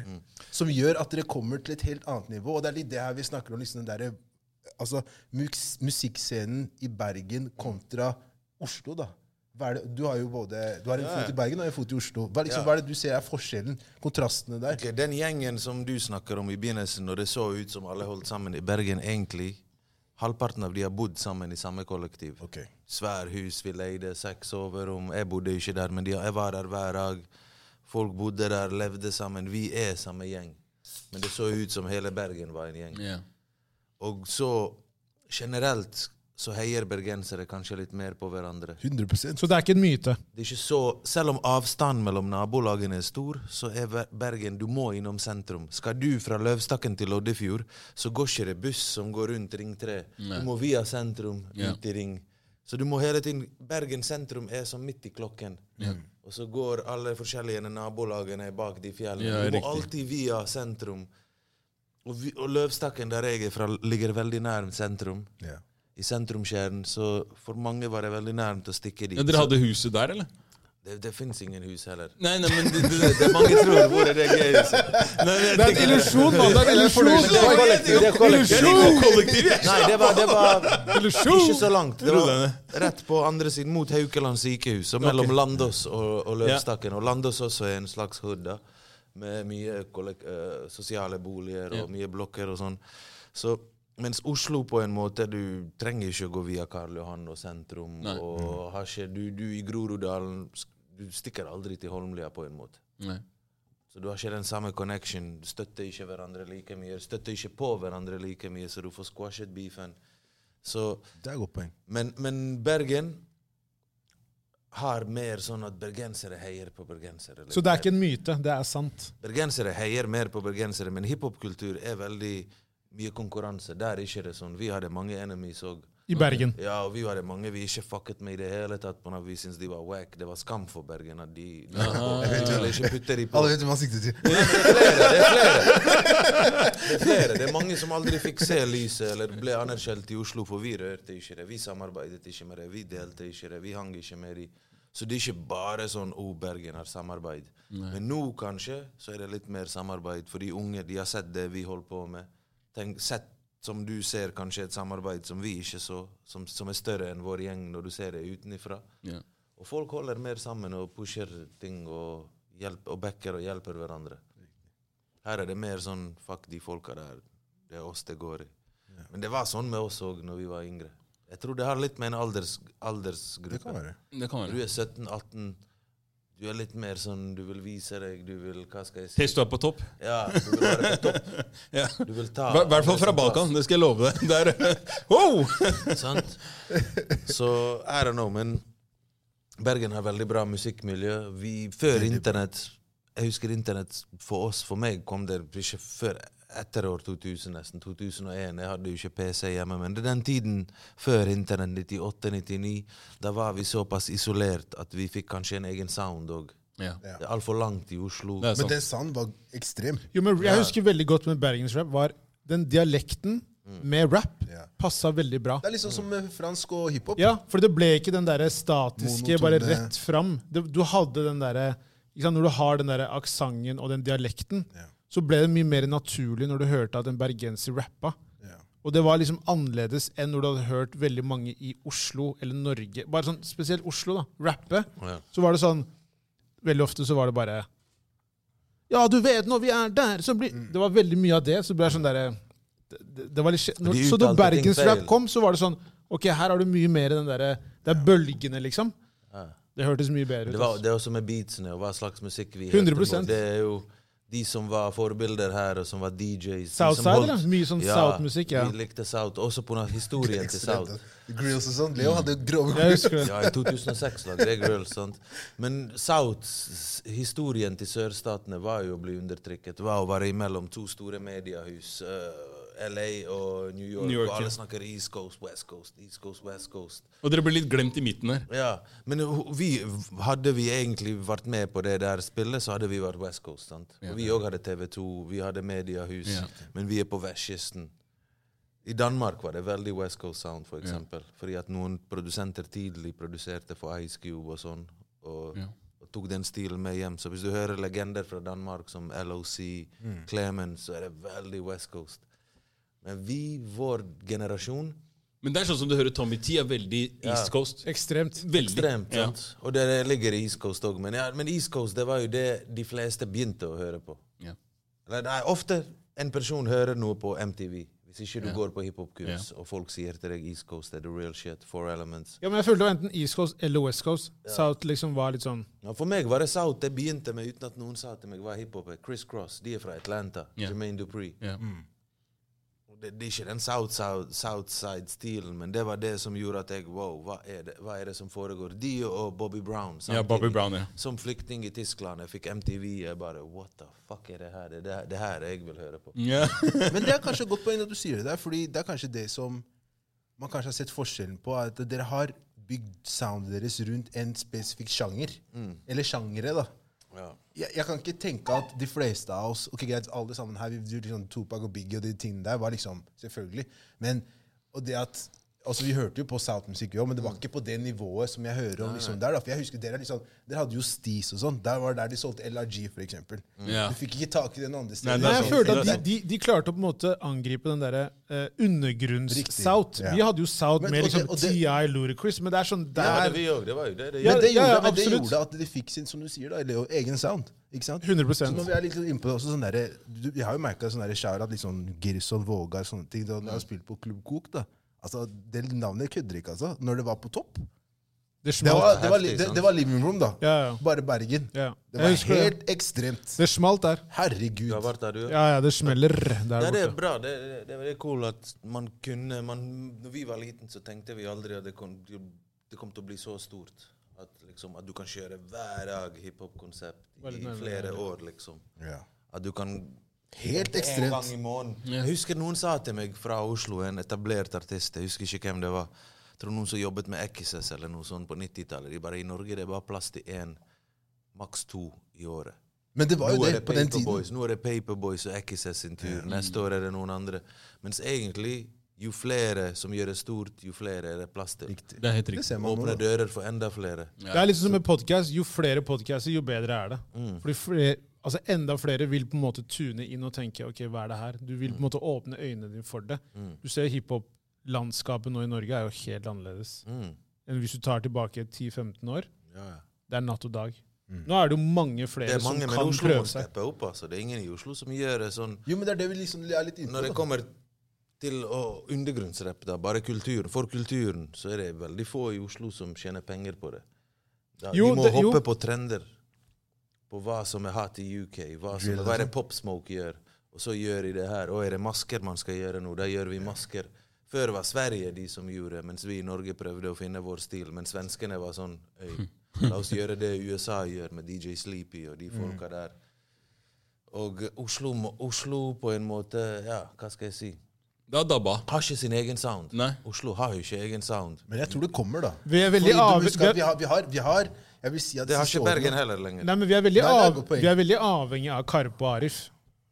De holder jo på en måte fortet. Ja, men Ja, ja. Snakker vi litt. Under, tenker, underground. undergrunn, da er det noe annet. Det er noe annet. Det er noe helt annet. Men sånn sound til Arif er jo ikke akkurat Oslo. da. Det er jo en ny way. Han har kanskje hørt på ASAP og Travis Scott, og jeg kan gjøre det. sant? Han har jo prøvd andre ting før med Men derfor, han, er, god- han er god, da. Han er, Ja, ja, han er flink. Han har fått det til. Han er. Norges beste, spør du meg. Helt enig. Uten tvil. Han er fet, han. men, eh, men ja, nei, det er sant. Det er- Fordi, også litt videre til det med at, som vi snakka om før vi starta podkasten, Mm. det her med den avt... Altså, du er jo manageren til Kamelen. Ja. Shout-out Markus. Ja, shout out til Markus. Og han, er, han, han, han hører ikke på andre folk og sånn Han vil jeg høres ut som. Når du sender han en beat, og det er sånn Travis Scott-type beat, han orker ikke høre på deg. Jeg sier til han hør på deg, det har ikke noe å si. Men Han det er bra hører sånn whatever, eller liksom Justin Bieber-type beat. Han bare Justin, Nei, jeg vil ikke høre det. Jeg vil ha Kamel-type beat. Jeg. Mm. Så han, han har ikke lyst til å hoppe på baby, baby uh, Liksom uh, Sounden. Nei, han er litt sånn old, han vokste opp med Nas, og Big L er favorittrapperen hans. Han er det onkelen hans hørte på. Han, han er for kulturen, han er hiphop. sant? Og da kan du liksom I dag å kopiere andre sin stil og, og, og, og ta imaget til noen andre, det er bare godtatt. Jeg skulle si, men, men spør, meg, spør, spør heller hva som er originalt i dag. da. Det er det som er, for det er få som er originale, helt originale, hvis du kan si det sånn. At du har en helt egen sound. at Men har det noen gang vært en sånn tid? Hva, la oss være helt Men jeg ærlige. syns Store P er original. Ja. 100 100 Ja, helt enig. 100%. Ja. Han har tatt den lyse stemmen Ja. sin, som er nesten som en sånn Store P kjører litt den, der, den greia til Frank Ocean. Han gjør ting på sin tid. Jo, Kan jeg- lage jeg ser det. at han vil være i min egen verden. Jeg Ja, ser men egen Ja, Vaular syns jeg gjør sin egen shit. Ja. Han Men gjør kan ikke man- sånn 'nå er drill hot', nå skal Lars Vaular gjøre drill-epoke. Og neste 'nå er Lars Nei, Vaular sant. nå er Lars Vaular samme type beat som Jay-Z'. Nei. Han lager Han går i kjole før Ja. faktisk Lil Nas X. Ja, ja, ja. Fordi at han føler det på, Jeg, jeg syns Lars har sin egen sound. Ja, for Lars også kan plutselig være med på med et rockeband. ikke sant? Det er det som er hele det er det som er Lars. Det, ja, men det, det, er, det er på en måte altså, Kall det originalt, da. I den Det kan, du, forstand. det kan du si om Onkel P òg, da. Mm, nei. Nei, ok, greit. Han er mer ekte hiphop da, på en måte. Ja, ok. Jo, han har jo slekta og det greiene Det er det jeg der, tenker. men han blander jo ikke slekt Når du hører Onkel P soloalbum, Det er fortsatt rapperen er Onkel P rapper med slekta. P. Så, så vet, du vet hva du får her, og hva du får der, Takk. på en måte. Mens Lars han hadde blandet slekta og Lars på en og samme skive. på yeah. en måte. Men det er også fordi Lars tør å på en måte eksperimentere med liksom elektrobeats, Ja, og så rapper han på Men det det og her med at halve vennene våre liker sånn Manchester Bergen er er nærmere England enn Oslo. Ja. Og, de, og det regner mye i Bergen, og det regner mye på den Da blir det motsatt. Østkysten av England. Ja. Vi får samme Golfstrømmen. Og det er litt sånn, du blir depressiv av det. Du blir sånn 30 dager med regn. Og mange av gutta våre elsker Manchester Sound. Ok. Litt sånn club. uh, litt sånn, yeah. Mange av de bandene, jeg vet ikke hva de House heter sånn. engang. Jeg har ikke hørt så mye på det. Ikke bare house, men også mye sånn med gitar. Litt sånn. Jan Olav Nilsen, Fjorden Baby. Ja, riktig. riktig. Mye sånn dub blandet, Ja, ja, ja. Med, blandet med Men det er fet sound. Her, men her er det mer kanskje punk, da, fra England, som har eh, Sex Pistols og andre band fra London, fra Ja. store, fra kommersielle England. Ja. Mens Bergen er relatert mer til de, de, Birmingham, de der, sånn, Vi kan se at det regner mye der, og de er trist, de er som oss. Eller et eller annet sånn Ja. Jeg vet ikke hvordan jeg skal forklare det. Men Jeg føler, altså Bergensere generelt, da, hvis du kan si det sånn, nå skal jeg være veldig sånn stereotypisk, Ja. så er dere litt sånn Pass på nå, Jakob. Nei, jeg passer ikke på. Jeg Nei, sier hører, det som det er. hører på Bare det, la altså. meg snakke! La meg snakke, Slapp av du nå. slapp av. Point being her er at eh, jeg har alltid følt at bergensere er liksom dere er veldig ekte til Bergen. da. Dere holder det veldig sånn Det skal være bergensk. forstår jeg. Men altså, det skal ha det derre sånn, Du sier at NMG skal stampe det, så er det sånn hvis du er fra Bergen, så skal du liksom holde det ekte. da. Du skal liksom være Det er bergenser. sant. Og dere er alltid sånn Ja, Hansa, liksom. Den, den, der, den stilen der. Da, sånn, er det fra Bergen, så skal vi rappe Bergen. Det er, det er jo bra, det. Ja. Det er som Tøyen Cola da her. Ja. Om folk velger å støtte det, eller Ja. faktisk kjøpe ekte cola. Det er opp til dere, men dere har Tøyen fucking Cola, men. Ja, det er sant. Så er det opp til dere folk i Oslo hva dere gjør. Om, om dere backer de, eller om dere Men samtidig, kanskje Ringnes her, som er i Oslo, har jo patent er på andre det- cola, så dere støtter Det er uansett. litt det er- forhold til Hansa, da. Sånn der, helt vi har ikke vokst opp med Ringnes, vi. Jo, det har vi. Har du vokst opp med Ringnes? Ja, vi har Er det vokst ikke opp med- Seidel da jeg var ung? Men altså? ringene det, Seidel Var og Borch. aldri lojal. Vi drakk Grans. Grans, ti kroner. Han sa koster 20. Rema 1000. Ekte utlendinger drikker det billigste Grans. Problemet med Ringnes var jo at man ofte følte at det var Alkis- Alkisøl? Ja, ja. Det, det smakte saltvann. jeg. Ja, det var ikke, Det var ikke noe god øl aldri, Det er ikke digg. Det var ikke noe god øl. Det var ikke god i det hele tatt. Men skjæra til Tøyen Cola. Ja, det er sant. Men, men eh, litt i forhold til dette her med at du manager for Kamelen og sånne ting, som jeg skulle inn på, var For jeg har alltid lurt på den, der, den avtalen dere fikk med Sverige. Mm. Akkurat på lik linje som det med NMG, sånne ting, så var det på en måte Jeg husker det var veldig mange som bare Wow! Hvordan faen fikk de til det? Mm. Hva var liksom tankeprosessen bak det å liksom få til den avtalen som dere fikk til med Kamelen? da? Det er rett og slett matematikk. Numbers. De har en app i Sverige Der har du De har en app, i- de har en app i Sverige som Bars. heter Amuse. Okay.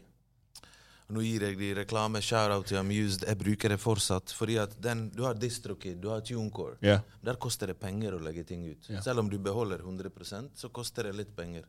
Koster 29 dollar. Leave your legacy. Låten vil bli aldri slettet. 29 dollar. Du må jo ha en del tusen plays for å bare nedbetale det. Og Det så kommer coveret og mixing, mastering. Amuse er helt gratis. Og nå når vi har streamet litt, så tilbyr de oss fortsatt penger. Jeg skal vise deg her. Dette er Exclusive! se her. Nå har Kamel sin streamet 7000 dollar på, to måneder på gamle låter. Men de tilbyr oss 22 000 dollar for å låse katalogen, men da får de 15% Ser du her? Yeah. Det er automatisk. Dere hørte det her først, folkens! Her er, kan se her, det er automatisk. Det er Hvis- Hvis vi tar mer penger enn det vi har, Riktig. så låser de katalogen vår mot at de får 15 Når de har tjent 15% av Så den summen vi har tatt i forskudd, okay. så går det i null. Men vi gikk fysisk inn der og snakket med dem. og hva skal til for at vi skal ta dette forskuddet? Ok, men Leo, før du fortsetter, hvordan er det dere finner ut av en sånn type avtale? Hvordan, hvordan kom dere dit? Hvordan var det så, La oss prøve den, la oss gjøre den jeg, ble, jeg ble kjent med en, eh, en eh, Jeg tror han er fra Nigeria eller Ghana, som, jobber i, som jobber i Sverige. My guy. som kontaktet oss, som jobbet i Amuse. Og alle label og alle selskap kommer inn som med et smil. 'Jeg liker musikken din, jeg digger du er, Husk når et plateselskap kontakter dere, så er det sånn 'Å, du er den beste, vi digger musikken til Kamel, han skal bli den største'. Bla, bla, bla, bla. bla. Så vi ble kontaktet, for det var en ny app. De hadde masse penger å bruke. Og hver gang de bruker penger, så sikrer de seg at de får 20 eller 15 overskudd. Mm. Så de, de ville at vi skulle Vi hadde et album som var klart. Vi, var, vi tenkte egentlig ikke å fiske, men de fisket oss. Og så tenkte vi greit, hva har vi å tape på det her? Vi, vi gir fra oss faktisk 15-20% men kanskje vi får litt listing i Sverige, kanskje vi får noe collabos, kanskje vi, vi kan gjøre en del ting. Ja. Og, så, og så lagde vi en avtale som var syvsifret, sant? som var snakk om millioner. Big ups. Det er helt rått. Jeg tror mange fikk bakoversveis når de så de greiene der. Jeg gjorde i hvert fall det. Jeg, også, Jeg jeg, har ikke, jeg har ikke noe hår, en men ja. distro-avtale, men vi måtte jo jobbe sjøl. Vi måtte pushe musikken Absolutt. videre. Men det er fortsatt det at du holder på den der independent-stempelet. da. Med at du liksom litt i det der med NMG-hus og sånne ting. At man fortsatt man bygger på det. At Ja, man og bare vise at man kan gjøre det selv. Det er det det handler om. Dette er med at man ikke nødvendigvis trenger da, de store platene. 100 Det er for mange som tror at man må gjøre det. At du må gå den der veien der de store plateselskapene er. Eller bare uansett store produksjonsselskap. Her er det et bevis på at du kan gå din egen vei. Og hvis du er tro mot det du holder på med, jobber med det over lengre periode, har en plan, så kan man faktisk tjene gode penger på det. Ja, mann. Vi har gjort det lenge. Vi har jo kontaktene i gamen, eller hva skal vi kalle det. Ja. Hvis vi skal til Oslo, vi vet hvem vi kan snakke med for å spille på Rockefeller, på Sentrum Scene. Vi vet hvem vi skal snakke med når vi skal spille i Trondheim på uh, hva heter det, Samfunnet. Ja. Og vi som ofte selger ut ting også. Og Da blir det god business både for oss og for de som driver business. Og de kan snakke direkte med oss. De slipper å snakke med folk som snakker med folk som representerer oss. Det var det jeg skulle si, det er det som er største fordelen her òg, tror jeg. Ja. At du, du kutter alle Det er de som kryptoman. Ja, rett, rett og slett. Kutte banken, gå rett i kilden. Ja, Crypto Bloods. Vi er ferdig. det er nest ut av Bergen, ja. Så, nei, men det det det uansett da, så er det, så er det godt jobba. Og det, er liksom sånn, det, det å på en måte ha den visjonen da, å kunne se at eh, liksom, nei, vi trenger ikke å gå den tradisjonelle veien. da. La, la oss liksom sant, prøve heller å, å bane vår egen vei. da, For det er det dere har gjort Det er her. det Men du hører jo, Han har jo nevnt det, det med South. da. Ja. Ikke sant? Eh, sørstaten i USA.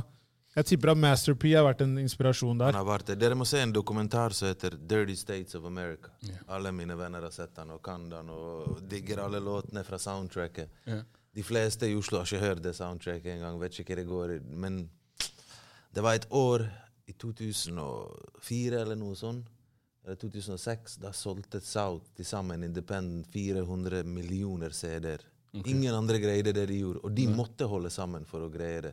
De måtte gjenge seg opp. En av mine største inspirasjoner er Screwed Up Clip. Ja. Screwed, screwed Up Click. Soldiers United for Cash fra Houston. Houston har jo 40-50 millioner innbyggere. Jeg mener Texas. Yeah. Og bare hvis de gjør det stort i sin egen hva heter det, stat, State. så er de større enn ti ganger Norge, og det er så mye penger å hente der. Men da må folk holde sammen. sant? Yeah. Så det har inspirert oss. Det var sånn som vi om sist, eh, at eh, du kan være stor i USA og fortsatt ha et godt liv. Du trenger ikke å ha den mainstream på en måte bølgen. Du klarer deg bare der. Ja, Hvis du er stor i Georgia, hvis du er stor Ja. i Texas, hvis du er stor i Memphis, så er du så Du er godt. ja, ja, er du gæren? Men det handler jo om det å komme til et nivå der du kan tjene penger på det, og nok penger på det.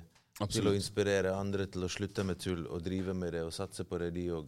Men, men det, det, der igjen da, det blir litt, litt sånn som du, som du nevnte i stad, det her med, med basketen. da. Du ser at de, selv de gutta som er proffe, må jobbe på SFO.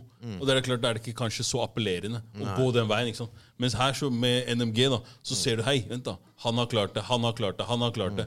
Fuck, kanskje det er mulig for, for meg også å klare det. ikke sant? Sant? Så, Det er det det er det derfor handler dere skaper de mulighetene. da, Det er det det handler om. For vi sjøl trodde jo ikke dette kom til å bli så stor. Nei.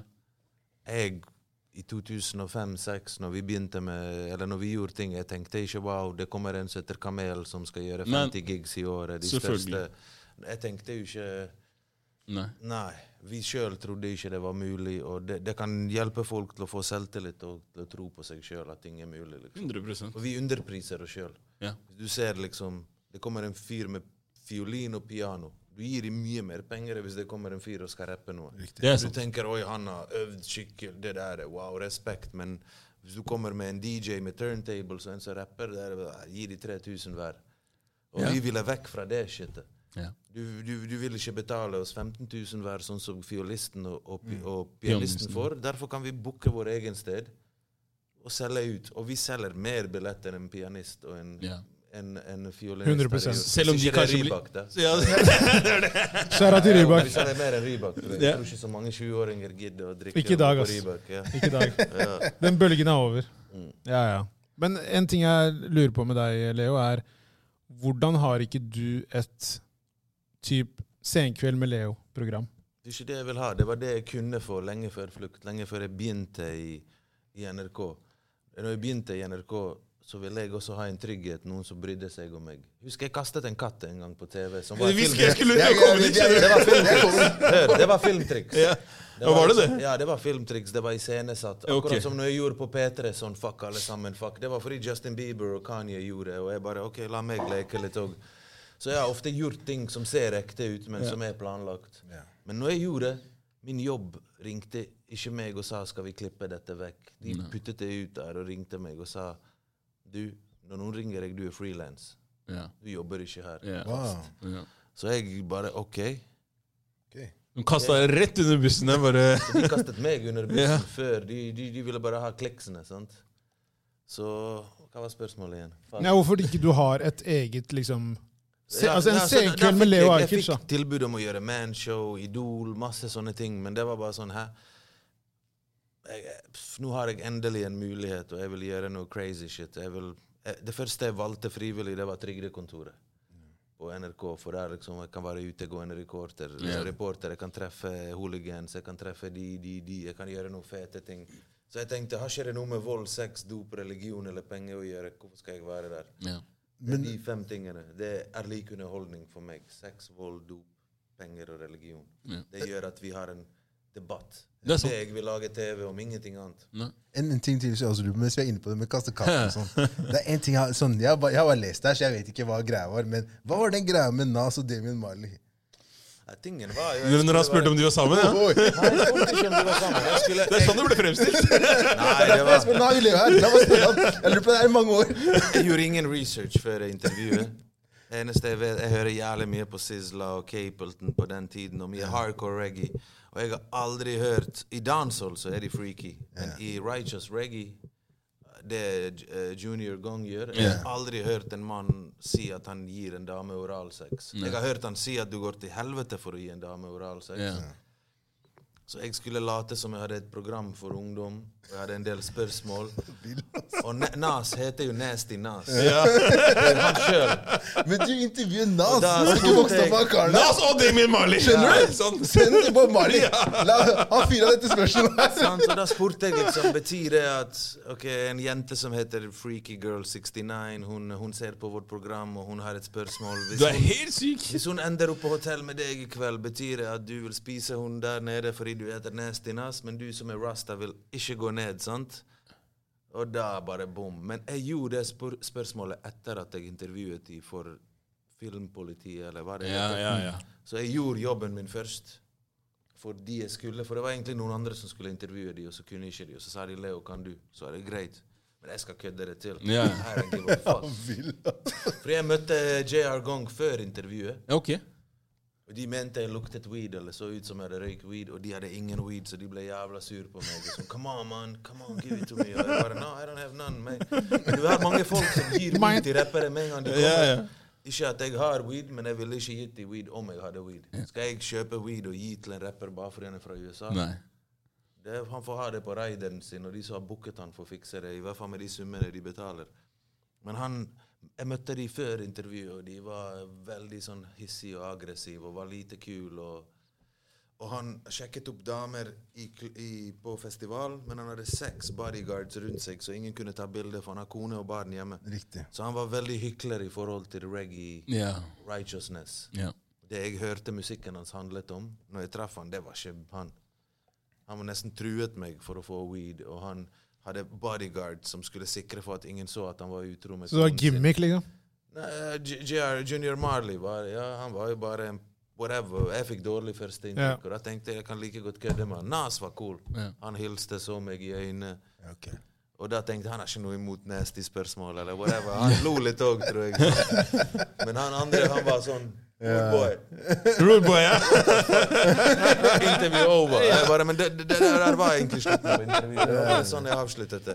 Så mange ble sur på meg. Jeg husker noen i Oslo og hiphop-folk og bare 'Hvorfor gjorde du det mot de legendene?' og sånn. Jeg bare, jeg, slapp av. Yeah. Vi gjorde faktisk et vanlig intervju først. Og jeg trengte bare en cool avslutning. ja. Du fikk det du ville, da. Ja, jeg fikk det jeg ville. Men det var jo Men ja. Det er jo ikke så bra hvis du skal liksom bygge broer. da. Nei, nei, Lage men- bekjentskap i bransjen. Kanskje neste gang de kommer, jeg spør om et ekte intervju, så får skje det på noe det jeg gjorde back in the days. Men det var morsomt. Eller en annen artist, da. Spørs om han husker det, da.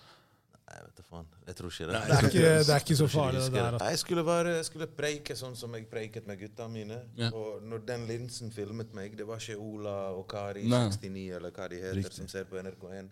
Det var vennene mine som ikke Noe har blitt lagd for de før, tenkte Ja. jeg. Så nå skal jeg gjøre det for de.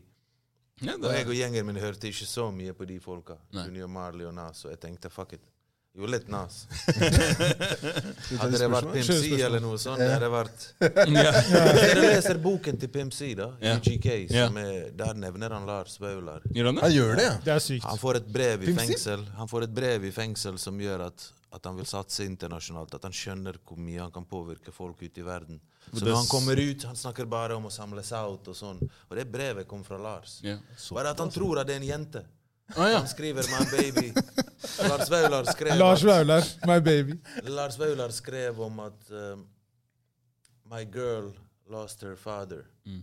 Så han trodde at det var ikke kjæresten, men at det var ungen som ah, ja, mistet ja, baby daddy. skjønner. Ja. Men han mente bare at kjæresten har mistet faren. Og han har en sånn sang 'One day you here, the next day you gone'. Mm.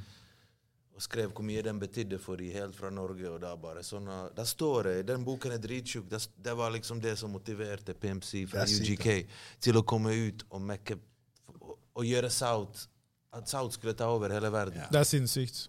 Både han og Bambi var Ja, fantastiske. så lagde de en låt med Isap Rocky for lenge siden, før ASAP Rocky poppet. Og den var produsert fra en kompis i Bergen. Ok. Hva er det han der, hva heter han igjen? Håkon. Han kaller seg Cashflow. ja, og han produserte riktig, riktig, i- for de. Det var en fra Oslo som hooket det opp, tror jeg. Men uansett. Det er stort. Det er. Det er stort som faen. Skal vi kjøre spørsmål? Ja, la, la oss kjøre spørsmål. Skal jeg ta første, eller? Eh, Ja, Vi har fra innsendt. Ja, første spørsmål rett fra Cluj, Bosnia her. Hva? Fra Cluj? Cluj. Cluj. Kluj. Ja. Ja, det er en by. Det betyr Ja. nøkkel. Kluj. Eh, skal vi se her. Spør hva han syns om at andre Balkanland sier Borek til pita med ost. Pita med ost heter egentlig sirnitsa. Sirnitsa. Sirnitsa. Den bo ok, husk Burek, eller, eller som de kaller Børek, har det kom fra Tyrkia eller whatever. Vi har spesialisert oss i det i Bosnia. Tyrkere kommer til Bosnia og sier at deres egen Burek hadde blitt flau hvis han hadde hatt øyne og sett vår Burek i øynene. Ja. Den hadde bare sagt 'jeg er ikke ekte', liksom. Jeg er fake. Han er fake, men Assimilert. Ja, ja. Så vår Burek, de som lager det, har bare det. Det er et yrke, det er en jobb. Og vi kaller Burek bare kjøtt. Eller kjøtt og løk, kjøtt, løk, potet. yeah. Den kjøttmiksen, Burek med kjøtt. Alle andre har et eget navn. Lager du pita, Burek med ost, så kaller vi det pita sirinca. Kaller, lager du det med spinat, så blir det zeljanica. Lager du det med, med gresskar, så blir det tikvara. Så den, blir, den kalles etter den tingen som er oppi. Men når du bare sier burek, da forventer du kjøttdeig. Og okay. Og løken og ja. det er akkurat sånn sambosa. da. Ja, Sambosa. ja, ja, ja. Hvis du sier bare sambosa, så skal det være kjøtt. Ja. Sier du samchizo, så er det med ost, da, eller whatever. Ja. Men den, det er den Hva- måten hva- vi differensierer det på. Hva, hva heter det der med turfisk?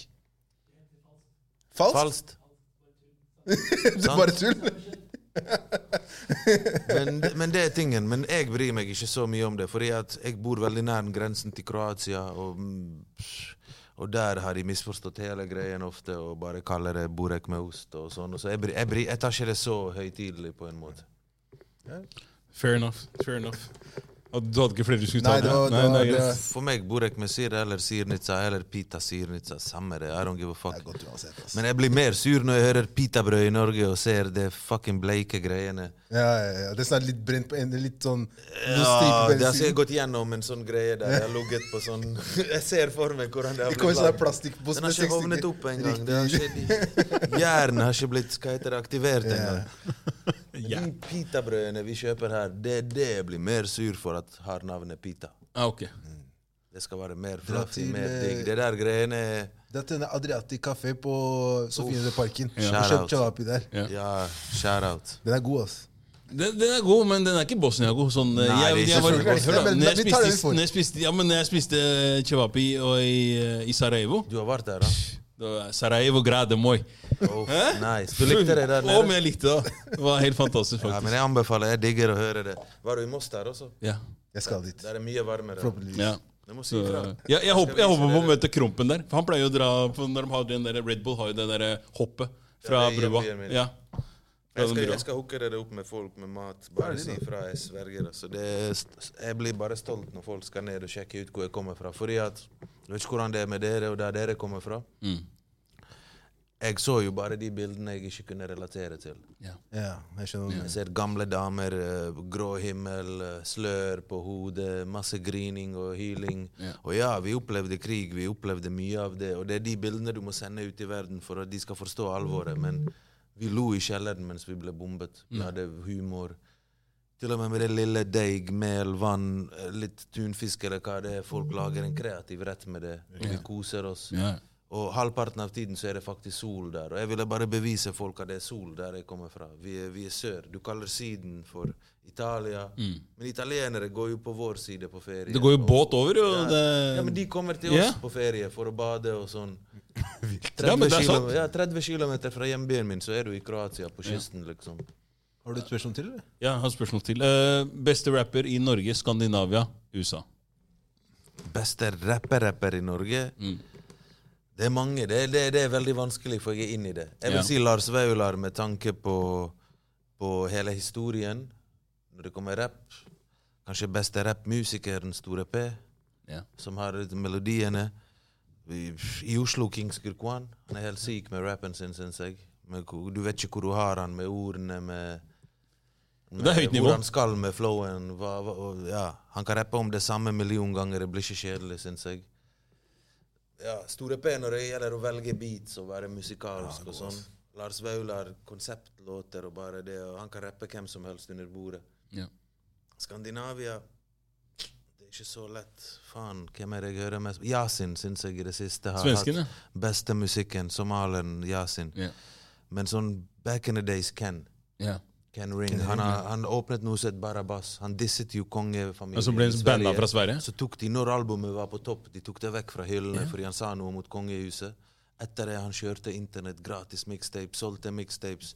Hans grind har vært sånn wow, og musikk, da. Og han har holdt på lenge.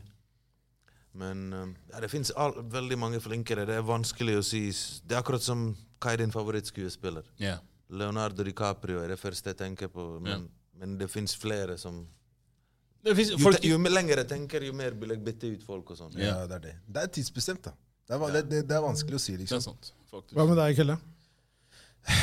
Amerikaner? Du sa ikke noe på amerikanere? Amerikanere Det er så mange der òg, men faen, en av de er Gucci Mane, en av de som pumpet ut mest, og digget mest og inspirert mest. før eller etter han satt inne? Fra mi, før mest. Men han har lagd mye bra etter òg. Hør De gamle tracks hans er alt òg. Migos.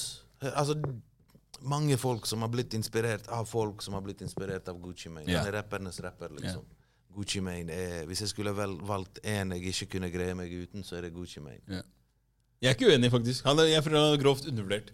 Folk Ja, ser ikke alt det han har gjort for, for Nei, bransjen. nei, Folk ser ikke hva han har gjort for gamet. Nei, han har 50-60 album og sånn. Han og en heter Zero, faktisk. Men Zero er mer sånn asosial fyr. Labelen hans heter One Deep. Han har lyst til å slutte med sin egen musikk, for han blir jo mer negativ når han lager musikk. For musikken hans handler om fuck mennesker, liksom. Ja. Zero. Så han, er, han er bare konge i Houston. Han er en av de old school-folka som har dagens tall, liksom. Yeah. Aldri, han går aldri han, blir aldri, han flopper aldri, liksom. Han har massiv fanbase. Zero.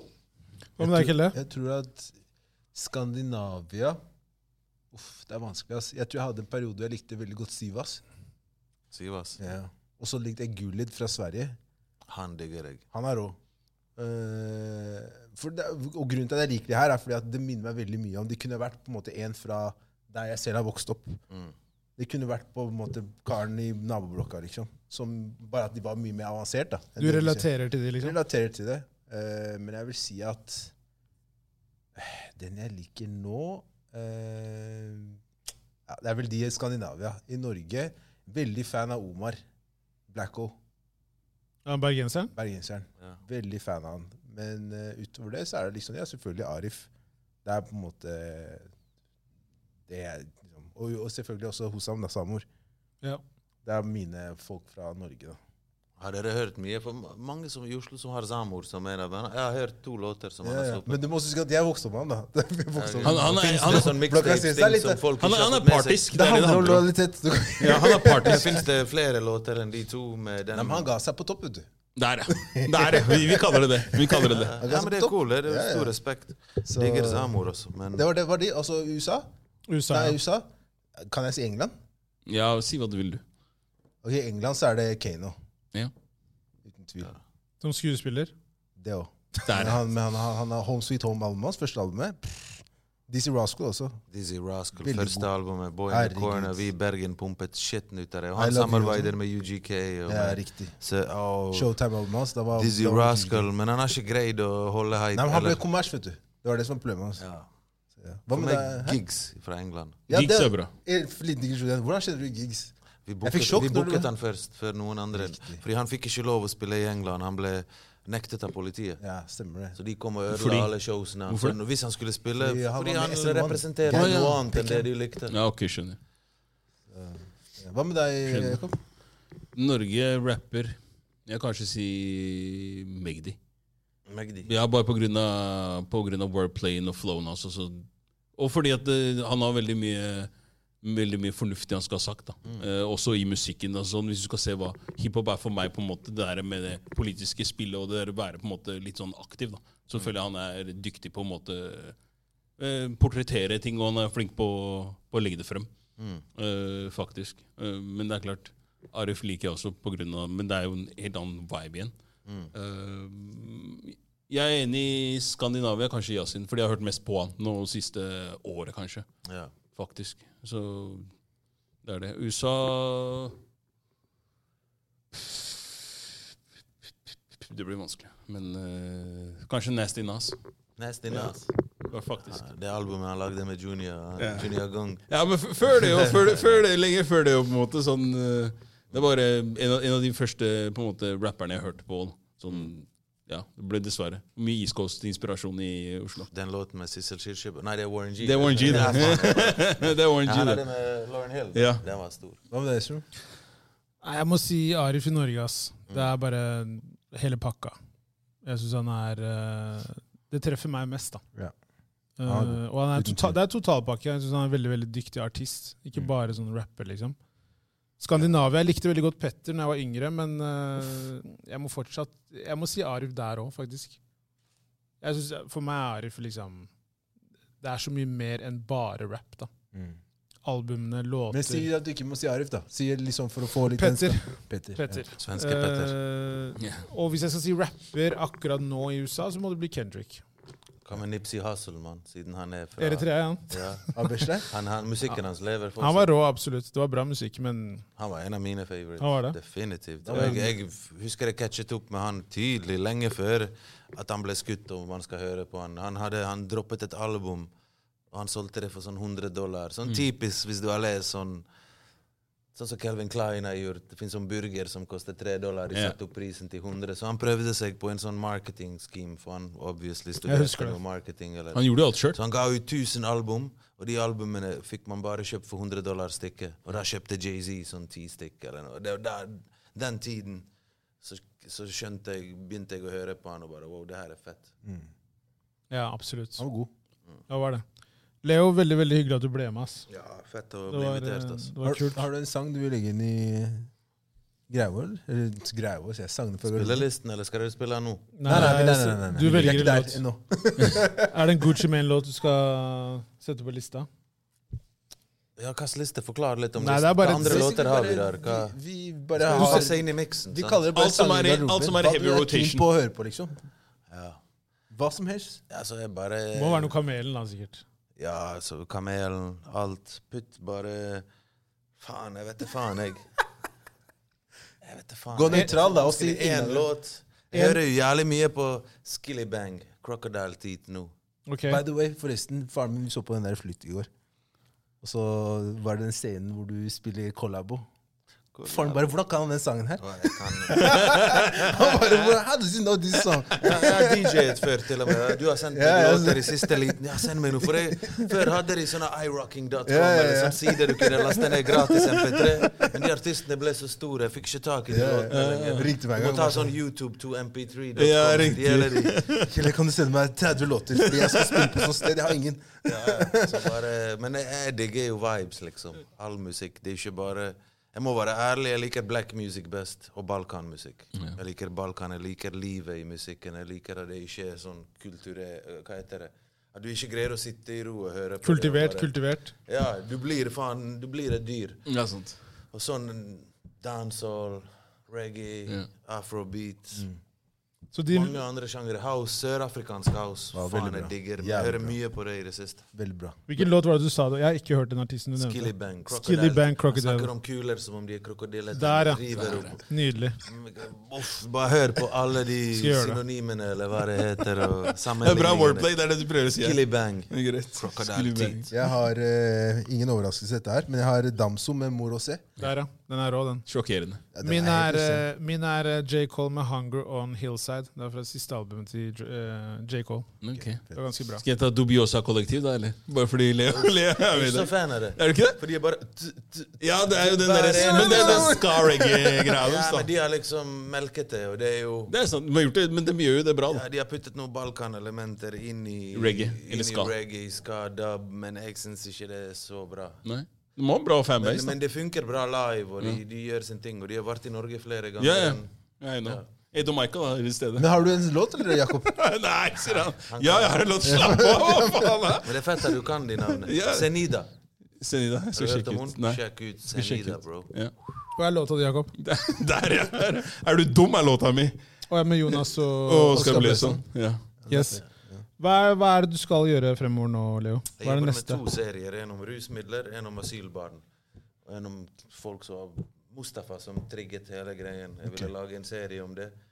Og pitchet det til NRK. Nærmere så alle hører hva du sier der. En serie om asylbarn, en, eller om asylpolitikk, Ja. som er trigget av Mustafa-saken. Så når jeg sendte inn pitch til NRK, så hadde de allerede påbegynt serien uten programleder. Så ble vi pff, merget. Og så jobber jeg med serie om rus. Ja. Jeg vil at folk skal slippe å gå på YouTube Vice for å sjekke ut ting som har med rusmidler å gjøre. fordi før i tiden, det jeg har fått servert fra det offentlige eller det etablerte, har vært sånn what? Ja. skremselspropaganda. Eller jeg føler ikke det det er ikke sånn vi snakker, eller det er, ikke det, det er ikke det som er sannheten alltid. Og så Jeg har lagd pilot som handler om mat. Jeg har vært i Mexico og spilt inn, men så kom korona, så kom Hva heter det? Reiseskam. Flyskam, eller hva det heter. Global forurensning, så det er litt på pause. Men asylpolitikk og rusmidler er de, de som blir litt mer som flukta. For du brenner litt for det der, virker det som. Nei, jeg brenner for å bruke stemmen min og kunne kanskje utgjøre en forskjell. For jeg trodde aldri det var min plass i dette samfunnet. Riktig. Men nå er- men nå er det nordmenn det. vil at jeg skal lage kebaben deres. for jeg Ja, men nå, nå er det det. Etter nå er det så det, og nå bruker jeg det. Nå er jeg Ja. innsett det. Og nå skal jeg lage viktige ting i samfunnet, for jeg har mulighet.